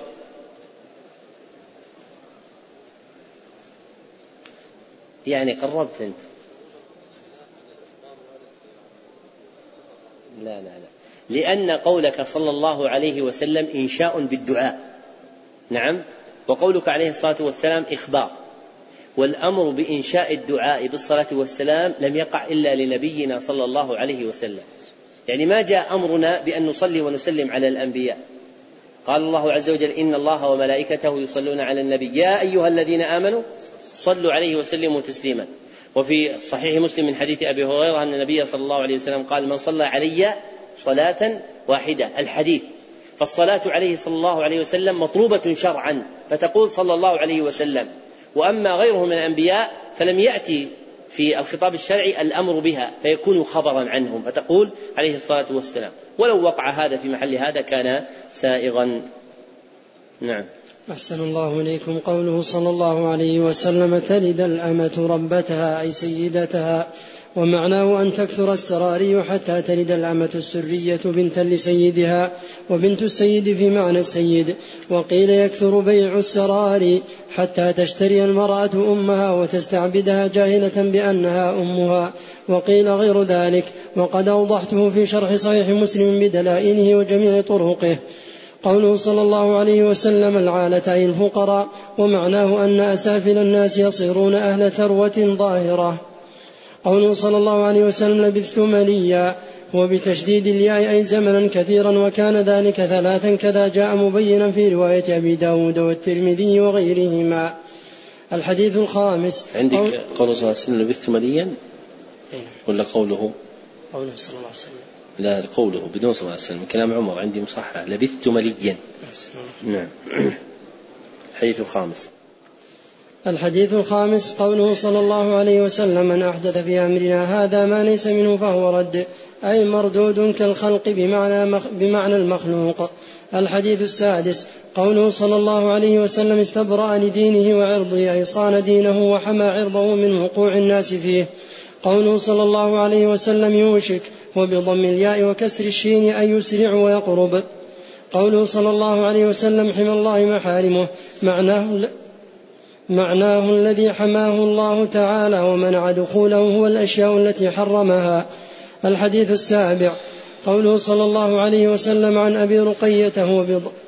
قوله عن أبي رقيته بضم الراء وفتح القاف وتشديد الياء. قوله الداري منسوب إلى جد له اسمه الدار وقيل إلى موضع يقال له دارين ويقال فيه أيضا الديري نسبة إلى دير كان يتعبد فيه. وقد بسطت القول في في إيضاحه في أوائل شرح صحيح مسلم. قوله رحمه الله وقيل إلى موضع يقال له دارين ذكر ابن طاهر في ابن طاهر في الأنساب المتفقة عن أبي المظهر الأبي وردي الأديب النسابة رحمه الله أن ذلك غلط فاحش. وقوله رحمه الله ويقال له الدير نسبة إلى دير كان يتعبد فيه يوهم أن تعبده فيه وقع في الإسلام وليس الأمر كذلك وإنما كان تعبده فيه قبل الإسلام فإنه كان نصرانيا. وتفطن المصنف لهذا فقيده بكونه قبل الإسلام في شرح صحيح مسلم وفي تهذيب الأسماء واللغات واتخاذ الصوامع والأديرة للتعبد فيها والتخلي عن الناس ليس من شعائر الإسلام. نعم. بسم الله عليكم. الحديث التاسع قوله واختلافهم بضم الفاء لا بكسرها. الحديث العاشر قوله صلى الله عليه وسلم غذي بالحرام وبضم الغين وكسر الداء المعجمة بالمخففة. الحديث الحادي عشر. قوله رحمه الله وغذي بالحرام بضم الغين وكسر الدال المعجمة المخففة تقدم أن الجرداني في شرح الأربعين ذكر ورودها بالتشديد. نعم. الحديث الحادي عشر. قوله صلى الله عليه وسلم دع ما يريبك إلى ما لا يريبك بفتح الياء وضمها لغتان والفتح أفصح وأشهر. ومعناه اترك ما شككت فيه وأعدل إلى ما لا تشك فيه. ما ذكره رحمه الله من تفسير الريب بأنه الشك فيه نظر كما تقدم والصحيح أن الريب هو قلق النفس واضطرابها. نعم. أحسن الله إليكم. الحديث الثاني عشر. قوله صلى الله عليه وسلم يعنيه بفتح أوله. الحديث الرابع عشر. قوله صلى الله عليه وسلم الثيب الزاني معناه المحصن إذا زنى. وللإحصان شرط معروف وللإحصان شروط معروفة في كتب معروفة في كتب الفقه. الحديث الخامس عشر. قوله صلى الله عليه وسلم أو ليصمت بضم الميم. الحديث السابع عشر. القتلة, القتلة والذبحة بكسر أولهما. قوله صلى الله عليه وسلم يحده بضم الياء وكسر الحاء وتشديد الدال يقال يقال أحد السكين وحدها واستحدها بمعنى. الحديث الثامن عشر. قوله جندب بضم الجيم وبضم الدال وفتحها وجنادة بضم الجيم. الحديث التاسع عشر. تجاهك بضم التاء وفتح الهاء أمامك كما في الرواية الأخرى. ذكر صاحب القاموس وغيره أن هذه الكلمة تجيء مثلثة الأول. نعم. أحسن الله إليك. وتعرف إلى الله في الرخاء تحبب إليه بلزوم طاعته واجتناب مخالفته يعني, يعني بالحركات. ثلاث تجاه وتجاه وتجاه. نعم. وتعرف إلى الله في الرخاء تحبب إليه بلزوم طاعته واجتناب مخالفته. الحديث العشرون. قوله صلى الله عليه وسلم إذا لم تستحي فاصنع ما شئت. معناه إذا أردت فعل شيء فإن كان مما لا يستحي من الله ومن الناس. في فعله فافعله وإلا فلا وعلى هذا مدار الإسلام. تقدم أن هذا الحديث يحتمل أن يكون خبرا أو إنشاء مفيدا للأمر فما ذكره المصنف فيه ضيق وما تقدم ذكره أوسع نعم. الحديث الحادي والعشرون قل آمنت بالله ثم استقم أي استقم كما أمرت ممتثلا أمر الله تعالى مجتنبا نهيه. الحديث الثالث والعشرون قوله صلى الله عليه وسلم الطهور شطر الإيمان. المراد بالطهور الوضوء قيل معناه ينتهي تضعيف ثوابه إلى نصف أجر الإيمان. وقيل الإيمان يحب وقيل الإيمان يجب ما قبله من الخطايا. وكذلك الوضوء ولكن الوضوء تتوقف صحته على الإيمان فصار نصفا وقيل المراد بالإيمان الصلاة والطهور شطر لصحتها فصار كالشطر وقيل غير ذلك. قوله رحمه الله وقيل الإيمان يجب ما قبله من الخطايا وكذا الوضوء. أما أن الإيمان يجب ما قبله فكذلك وقع في الحديث النبوي ففي صحيح مسلم من حديث عمرو بن العاص أن النبي صلى الله عليه وسلم قال الإسلام يجب ما قبله والإسلام والإيمان بمعنى واحد في الشرع. وأما الوضوء فلم يأتي ذلك في خبر مفرد وإنما يدرك معنى ذلك من أحاديث مجتمعة يعلم بها أن الوضوء مكفر للذنوب المتقدمة عليه لكنه مختص بتكفير الصغائر دون الكبائر. بخلاف الإسلام والإيمان فإنهما يكفران الكبائر والصغائر المتقدمة قبله. نعم. قوله صلى الله عليه وسلم والحمد لله تملأ الميزان أي ثوابها وسبحان الله والحمد لله تملأان أي لو قدر ثوابهما جسما لملأ ما بين السماء والأرض. وسببه ما اشتملتا عليه من التنزيه والتفويض إلى الله تعالى. والصلاة نور أي, تج أي, أي, تم أي تمنع من المعاصي وتنهى عن الفحشاء وتهدي إلى الصواب وقيل يكون ثوابها نورا لصاحبها يوم القيامة وقيل لأنها سبب لاستنارة القلب. والصدقة برهان أي حجة لصاحبها في أداء حق المال وقيل حجة في إيمان صاحبها لأن المنافق لا يفعلها غالبا والصبر ضياء أي الصبر المحبوب وهو الصبر وهو الصبر على طاعة الله تعالى والبلاء ومكاره الدنيا وعن المعاصي ومعناه لا يزول لا يزال صاحبه مستضيئا مستضيئا مستمرا على الصواب. كل الناس يغدو فبائع نفسه معناه كل إنسان يسعى بنفسه فمنهم من يبيعها لله تعالى بطاعته. فيعتقها من العذاب ومنهم من يبيعها للشيطان والهوى باتباعهما. فيوبقها أي يهلكها وقد بسطت شرح هذا الحديث بأول شرح صحيح مسلم. فمن أراد زيادة فليراجعه. وبالله التوفيق. الحديث الرابع والعشرون. قوله تعالى حرمت الظلم على نفسي. أي, أي تقدست عنه. فالظلم مستحيل في حق الله تعالى. لأنه مجاوزة الحد أو التصرف في غير ملك وهما جميعا محال في حق الله تعالى. تقدم أن المختار أن الظلم هو وضع الشيء في غير موضعه. وما ذكره المصنف فيه نظر بسطه أبو العباس بن تيمية الحفيد في شرح حديث أبي ذر الغفاري. نعم. قوله تعالى فلا تظالموه بفتح التاء أي لا تتظالموا. قوله تعالى إلا كما ينقص المخيط وبكسر الميم وإسكان الحاء المعجمة وبإسكان الخاء المعجمة وفتح الياء الإبرة ومعناه لا ينقص شيئا. الحديث الخامس والعشرون الدثور بضم الدال والثاء المثلثة الأموال واحدها دثر كفلس وفلوس. قوله صلى الله عليه وسلم وفي بضع أحدكم وبضم الباء وإسكان الضاد المعجمة وكناية عن الجماع إذا نوى به العبادة وهو قضاء حق الزوجة وطلب ولد صالح وإعفاء, وإعفاف النفس وكفها عن المحارم. الحديث السادس والعشرون السلام بضم السين وتخفيف اللام وفتح الميم وجميع وجمعه سلام سلاميات. بفتح الميم وهي المفاصل والأعضاء وهي ثلاثمائة وستون مفصلا. ثبت ذلك في صحيح مسلم عن رسول الله صلى الله عليه وسلم. الحديث السابع والعشرون النو النواس بفتح النون وتشديد الواو وسمعان بكسر السين المهملة وفتحها. والفتح أشهر. سمعان يعني. نعم. قوله صلى الله عليه وسلم حاكى بالحاء المهملة والكاف أي تردد.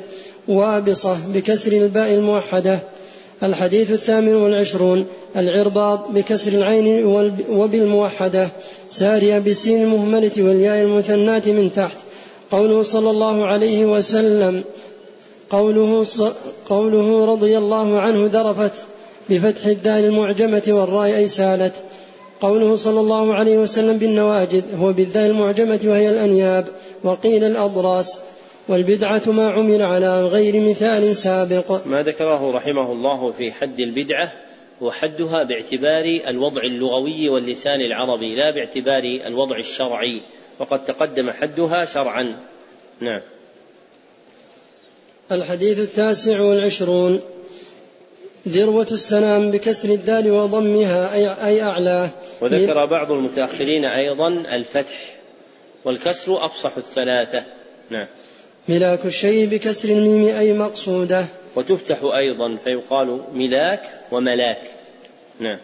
صلى الله عليكم قوله صلى الله عليه وسلم يكب هو بفتح الياء وضم الكاف. الحديث الثلاثون. الخشني بضم الخاء وفتح الشين المعجمتين وبالنون منسوب إلى خشنة قبيلة معروفة. قوله جرثوم قوله رحمه الله منسوب إلى خشنة قبيلة معروفة. عامة أهل النسب يذكرونها باسم خشين. نعم. قوله جرثوم بضم الجيم والثاء المثلثة وإسكان الراء بينهما وفي اسمه واسم أبيه اختلاف كثير. قوله صلى الله عليه وسلم فلا تنتهكوا انتهاك الحرمة تناولها بما لا يحل الحديث الثاني والثلاثون ولا ضرار بكسر الضاد المعجمة الحديث الرابع والثلاثون فإن لم تستطع. فإن لم يستطع فبقلبه معناه فلينكر بقلبه وذلك أضعف الإيمان أي أقله ثمرة الحديث الخامس والثلاثون ولا يخذله بفتح الياء وإسكان الخاء وضم الداء المعجمة ولا يكذبه وبفتح الباء وإسكان الكاف قوله صلى الله عليه وسلم بحسب امرئ من الشر هو بإسكان السين المهملة أن يكفيه من الشر الحديث الثامن والثلاثون قوله تعالى فقد آذنته بالحرب وبهمزة ممدودة أي أعلمته بأنه محارب لي. قوله تعالى استعاذني. ضبطوه بالنون وبالباء وكلاهما صحيح. الحديث الأربعون قوله صلى الله عليه وسلم كن في الدنيا كأنك غريب أو عابر سبيل أي لا تركن إليها ولا تتخذها وطنا ولا تتخذ نفسك ولا تحدث نفسك بطول البقاء فيها. ولا بالاعتناء بها ولا تتعلق بها إلا بما يتعلق به الغريب في غير وطنه ولا تشتغل في ولا تشتغل فيها إلا بما يشتغل به الغريب الذي يريد الذهاب إلى أهله. الحديث الثاني والأربعون. قوله صلى الله عليه وسلم عنان السماء بفتح العين قيل هو السحاب وقيل ما عن لك منها أي ظهر إذا رفعت رأسك. قوله صلى الله عليه وسلم بقراب الأرض بضم القاف وكسرها لغتان روي بهما والضم أشهر معناه ما يقارب ملءها. فصل اعلم أن الحديث المذكور أولا من حفظ على أمة أربعين حديثا معنى الحفظ هنا أن ينقلها إلى المسلمين وإن لم يحفظها. ولم يعرف معناها. هذا حقيقة معناه وبه يحصل انتفاع المسلمين لا بحفظ ما ينقله إليهم والله أعلم بالصواب. قال مؤلفه فرغت منه ليلة الخميس التاسع والعشرين من جماد الأولى سنة ثمان وستين وستمائة. قوله رحمه الله معنى الحفظ هنا أن ينقلها إلى المسلمين وإن لم يحفظها أي لا يشترط لصدق كونه حافظا لها على المسلمين أن يكون حافظا لها عن صدره في صدره عن ظهر قلب بل يكفي في ذلك لو كان حفظه لها حفظ سطر أي في كتاب بحيث يحفظها حفظ حفظا متقنا ثم ينقلها للمسلمين بكتابه. فإن اجتمع معه حفظ الصدر فإن ذلك أكمل لأن مدار الحفظ على هذين الأمرين وأكملهما اجتماعهما. فإن افترقا فبحسب القرائن التي تحف بهما وإلى هذين النوعين أشار حافظ الحكم بقوله في اللؤلؤ المكنون والضبط ضبطان بصدر وقلم فالأول الذي متى يسمعه لم ينسى فحيث ما يشاء أداه مستحضرا اللفظ الذي وعاه والثاني من في كتابه قد جمع وصانه لديه منذ سمعه حتى يؤدي منه أي وقت وسم ما يجمعه بالثبت. وهذا آخر الشرح على هذا الكتاب على وجه مختصر يوضح معانيه. خلها عندك خلها عندك. يوضح معانيه الكلية. وبالنسبة للأسئلة فاعلموا أن كل سؤال يأتي أنه يأخذ موضعه وأنه لا لا يفوت شيء من الأسئلة. لكن بحسب سعة الوقت نجمعها في البطاقات فنجيب ما نستطيع منها بحسب الحال الداعية والذي يبقى نجيب عنه في مهمات العلم والذي لا يأتي عليه الوقت ننقله إلى الدروس التي بعده. فجميع الأوراق التي تصلني هي محفوظة لدي والمقدم منها ما كان على الأوراق المعدة للأسئلة. ثم في الرتبة الثانية الأوراق التي مكتوبة بخط اليد. وقد تترك تهمل إذا كانت هذه الأوراق موجودة. إذا كانت هذه الأوراق موجودة أحب أن تكتبوها فيها لأنه أدعى لحفظها. والليلة نكتفي بسؤال واحد لأن كثيرا منكم عنده اختبارات وإن كنت أفرح بسعة الوقت بعد العشاء لكن رعاية الحال لا بد منها والدراسة النظامية لا بد من العناية بها وعدم إهمالها. كما أن لا نريد أن نؤخر الأخ ربما يكون قد انتهى عمله فلا نريد أن نطيل عليه أيضا. هذا السائل سأل سؤالا قال فيه قررتم في دروسكم أهمية الحفظ مرارا وذكرتم في بعض تلك الدروس أن للحفظ قواعد أو ضوابط. من لم يرعها تعب ولم يحصل المراد. آمل أن تذكروا لنا هذه القواعد عسى الله أن ينفعنا بها. جزاكم, جزاكم الله خيرا. وهذا السائل أشكره أولا لاهتمامه بسؤاله وإن لم يكن كتبه في هذه الأوراق لكنه طبعه قبل الدرس وجاء به مطبوعا. مما يدل على أنه ليس ممن إذا نشأ في خاطره سؤال دفق به كيفما اتفق. لأن هذا من علامات ضعف الطالب. فالطالب الضعيف هو الذي لا يمعن النظر في سؤاله. لأنك إذا أمعنت النظر في سؤالك قويت عندك ملكة حل الإشكال. وصارت لك في العلم مكنة ومرنة. أما الذي يسأل سؤال ويظن أن هذا السؤال يشكل على الكلام الذي قاله شيخه فهذا من العجلة التي لا تنبغي. مثل قد يأتي بعض الإخوان قد يأتي بعض الإخوان. قال أنتم قلتم أن المفتاح أعظم من الشيء فلا يكون الطهور شطر الصلاة بمعنى بهذا المعنى شطر الإيمان. ويقول إن لا إله إلا الله مفتاح الجنة ولا إله إلا الله أعظم من الجنة. فمثل هذا الإرادة الذي يأتي مباشرة الإنسان ينبغي له أن يبحث أولا هل صح حديث لا إله إلا الله مفتاح الجنة قبل أن يعرضه؟ والجواب أنه لم يصح هذا الحديث عن النبي صلى الله عليه وسلم. فليس كل شيء عنا في خاطرك تتفوه به مباشرة حفظا لعقلك وحفظا لعقل غيرك ووقته.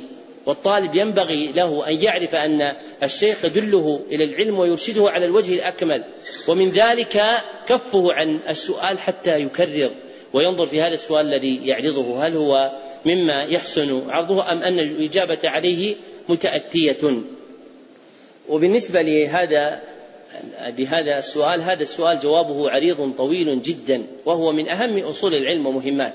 لكن سأذكر لكم جملا من القواعد التي لا التي ينبغي رعايتها في الحفظ. فالقاعدة الأولى حسن اختيار المحفوظ. حسن اختيار المحفوظ. بأن يكون من المتون المعتمدة عند أهل العلم. وإلى ذلك أشار الزبيدي بقوله في ألفية السند بحفظ متن جامع للراجح تأخذه على مفيد الناصح فالمتن الجامع للراجح هو المعتمد فمن الغلط حفظ المتن الذي لا يعتمد. مثل إيش؟ مثلا في النحو هناك عدة ألفيات ألفية بن معطي ألفية الآثاري ألفية بن مالك. أي هذه المتون الذي اعتمده العلم وشاع العمل به؟ ألفية بن مالك. ما يضيع الإنسان وقته. بعض الإخوان مغرم يجد شيء ألفية الآثار قال هذه نحفظ ألفية الآثار. أو يقول واحد لا نحفظ آه، يقول السيوطي جاء في ألفية وقال فائقة ألفية ابن مالك. في في ألفية في النحو قال فائقة ألفية ابن مالك. قال أنا أحفظ ألفية السيوطي. ويأتي واحد ويقول الأجهوري. قال في ألفيته في النحو فائقة ألفية الأجهوري قال قال فائقة ألفية السيوطي. ويأتي آخر ويذكر هناك ألفية هناك ألفية ثالثة أو رابعة فائقة ألفية الأجهوري هذا قال الفائقة ألفية مالك هذا قال فائقة ألفية السيوطي هذا قال فائقة ألفية الأجهوري جاء واحد ورد على هذا قال فائقة ألفية البريهمي. أربع أو خمس ألفيات.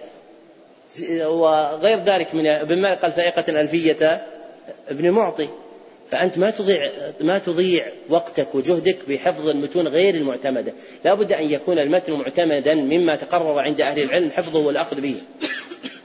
والمتن المعتمد ليس معناه الذي تعرفه في بلدك.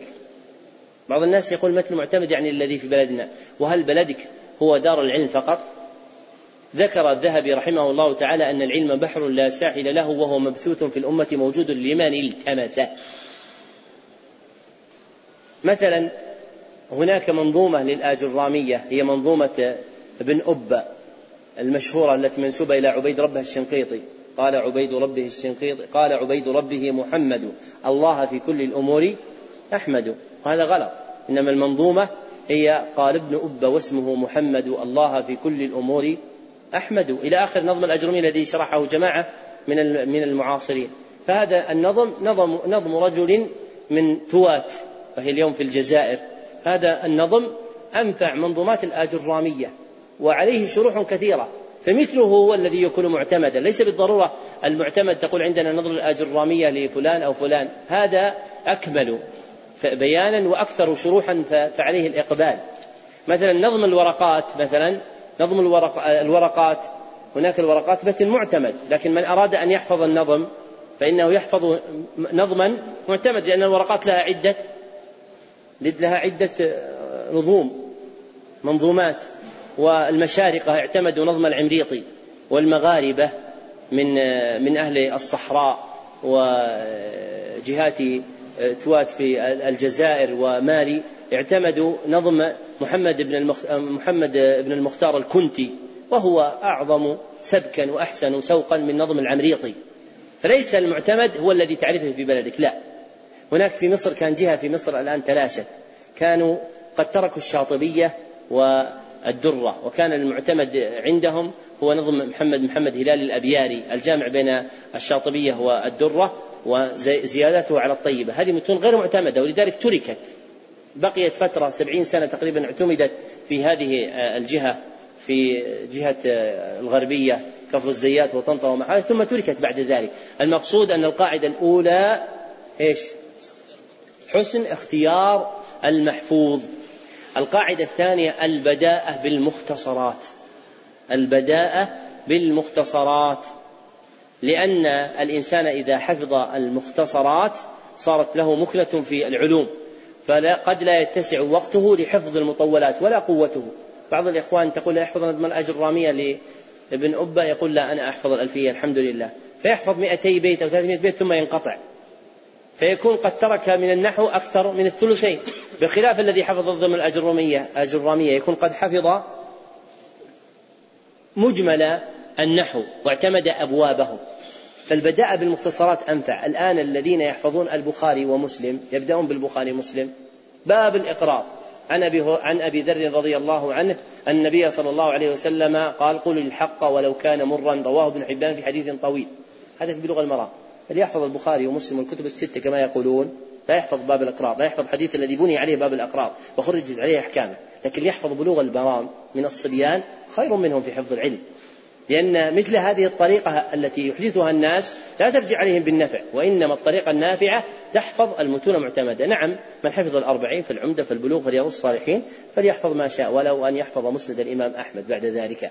لكن أن تجمع نفسك على المتون المختصرة في كل فن تأخذ ما هي المتون المختصرة في الحديث ما هي المتون المختصرة في العقيدة ما هي المتون المختصرة في الفقه ما هي المتون المختصرة في النحو تبدأ بالصغار قبل الكبار تترقى بعد ذلك إلى الكبار.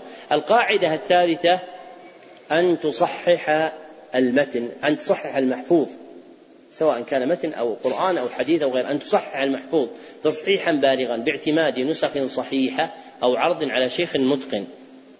وقد قلت في أبيات آه، لي ذكرت فيها هذا المعنى مقاصد للمبتدي مقاصد للمبتدي تبين عند عند ابتغاء الشرح وهي هين أن تصلح المتنى وما أن تصلح المتنى أن تصلح المتنى وما حواه.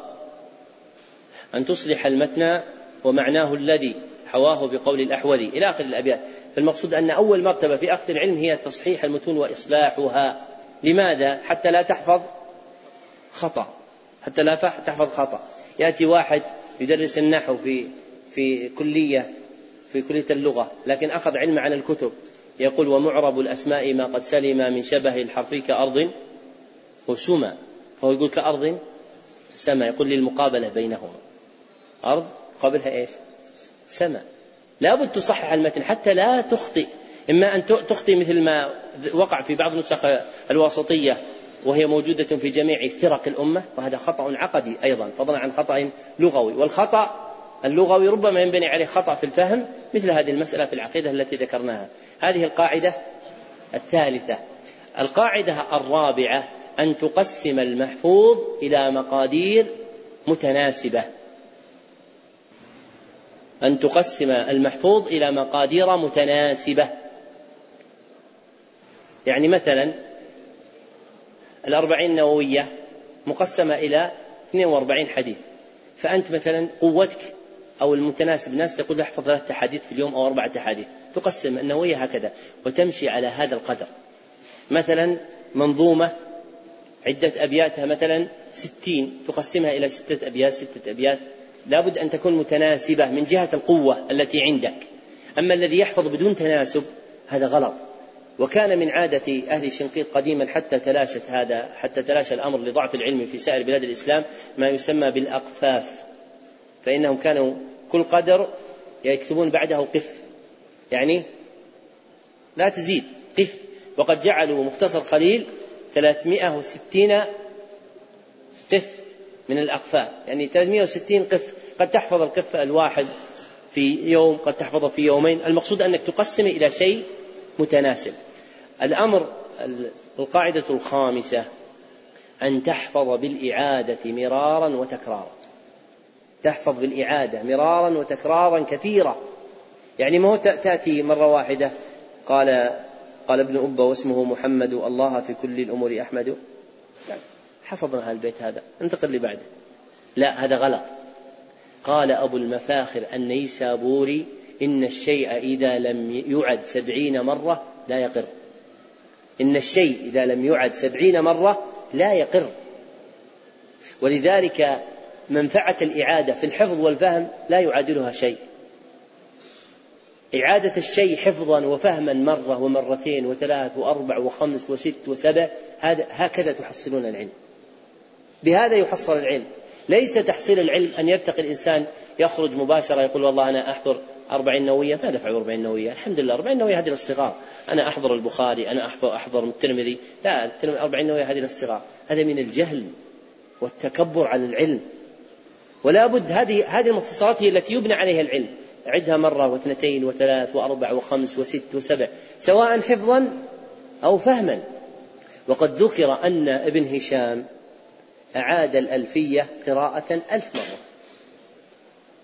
أعاد الألفية ألف مرة ذكره الجبرتي في تاريخه. وكثير من الأشياخ الذي أدركناهم فيما سبق كانوا يعيدون الكتاب أكثر من عدة مرات. كتاب واحد يقرأ ينتهي منه يعيده مرة ومرتين وثلاث وأربع وخمس وست. كانت هذه هي علومهم. مثلا في القطر النجدي أو القطر الحجازي كانت هناك متون معتمدة تعاد عدة مرات كثيرة لا يتجاوزونها. فكانوا علماء. لأنك إذا بنيت الأساس وكان لك فهم في العلم لن تحتاج إلى سواه. يكون ما في المطولات هذا فضل وزيادة. إن طلعته زاد علمك وإن لم طلعته فأنت على علم ثابت. أما الناس الآن عندهم شغف فقط. اقرأ اقرأ أي كتاب جديد ودرس جديد يحضرونه ويسمعونه ويعيدونه. وإذا دعوا إلى ما سبق قالوا يا أخي هذا مكرر. قالوا المكرر فيه قلت المكرر أحلى. وصدق. قال المكرر المكرر أحلى. المكرر المعاد مرة ومرتين وثلاث أحلى. فصدقوني ستعلمون صدق هذا الأمر في أنفسكم بعد سنين. وكثير من الناس ساروا في العلم. السنة والسنتين والثلاث والأربع والخمس والست والسبع والثمان والتسع والعشر ولم يفلحوا لماذا؟ لأنهم ظنوا أن العلم أن تحضر برهة يسيرة في بعض الكتب ثم تقرأ في مكتبته هذا ليس العلم. العلم طول الصحبة للأستاذ المعلم المرشد ولو أعاد العلوم. روى أبو نعيم الأصبهاني بسند صحيح عن مالك أنه قال كان الرجل كان الرجل يختلف إلى الرجل ثلاثين سنة يتعلم منه العلم. ثلاثين سنة يتعلم منه العلم. فلا بد أن أن تعيد العلم مرة ومرتين وثلاث إلى مرات كثيرة حتى تفهمه وتحفظه. هذه القاعدة كم؟ خامسة. السادسة أن تعرضه على غيرك. وأكمله شيخ عارف. فإن لم يمكن فقرين مساعد.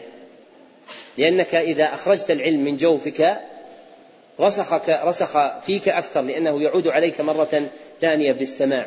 وربما تذهل عن شيء فيصحح لك من تعرض من تعرض عليه. فلا بد أن تعرض محفوظك. القاعدة كم؟ القاعدة السابعة أم السادسة؟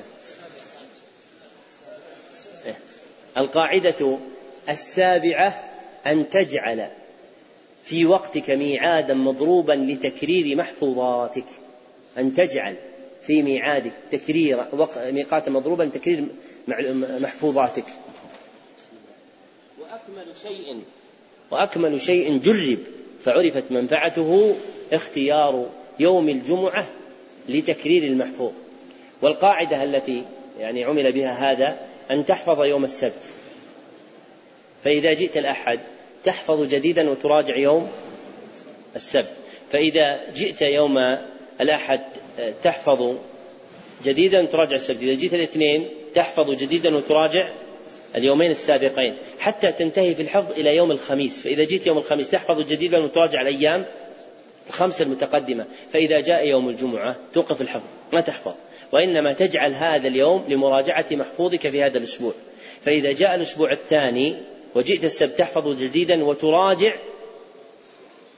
الأسبوع الماضي وتسقط السبت.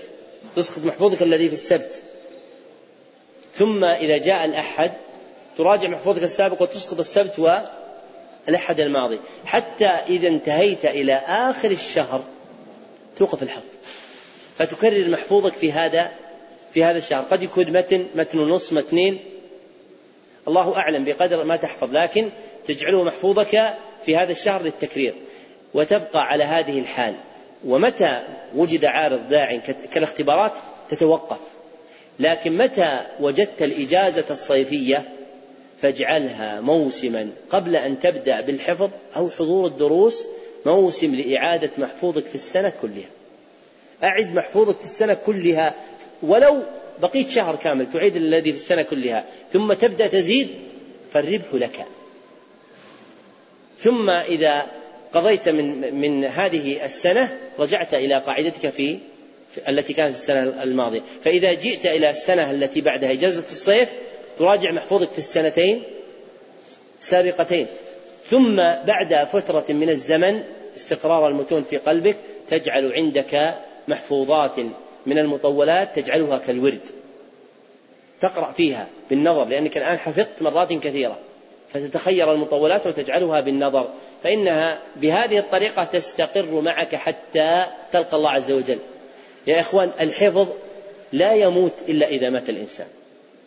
ابن هشام النحوي كان شافعيا فانتقل إلى مذهب الحنابلة قبل موته بخمس سنوات وكان هرما. بخمسة بخمس سنوات. وكان هرما فحفظ الخرقي في ستة أشهر. اختصر الخرقي مختصرات الحنابلة حفظ. انظروا وعيه. ما قال علم بدون حفظ؟ قال لا لازم أحفظ في فقه الحنابلة بتل فحفظ الخرقي في ستة أشهر. وابن مالك في يوم موته حفظ ستة شواهد لم يكن يحفظها من قبل. فالإنسان لا ينبغي له أن يترك الحفظ. هذه هي أهم القواعد التي ينبغي أن يعمل بها الإنسان. وإن كانت القواعد قد ألقيت فيها عدة محاضرات مرة جاوزت مئة, مئة قاعدة. لكن هذه هي أهم القواعد التي ينبغي أن تعملها وأن تصابر نفسك على العلم. العلم يحتاج إلى صبر ومصابرة.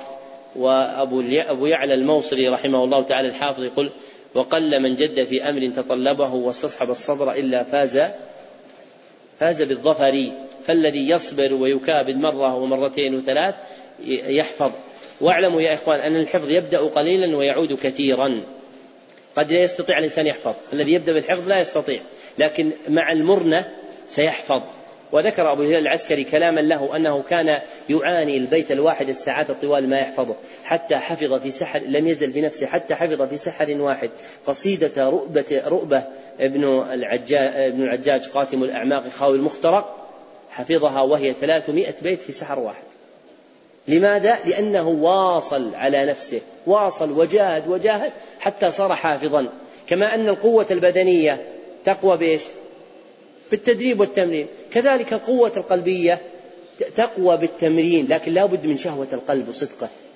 البخاري سئل ما دواء الحفظ؟ قال لا أجد مثل نهمة الرجل وإدمان النظر في الكتب. وسئل ابن المبارك كيف تحفظ؟ قال إنما هو إذا اشتهيت حفظت.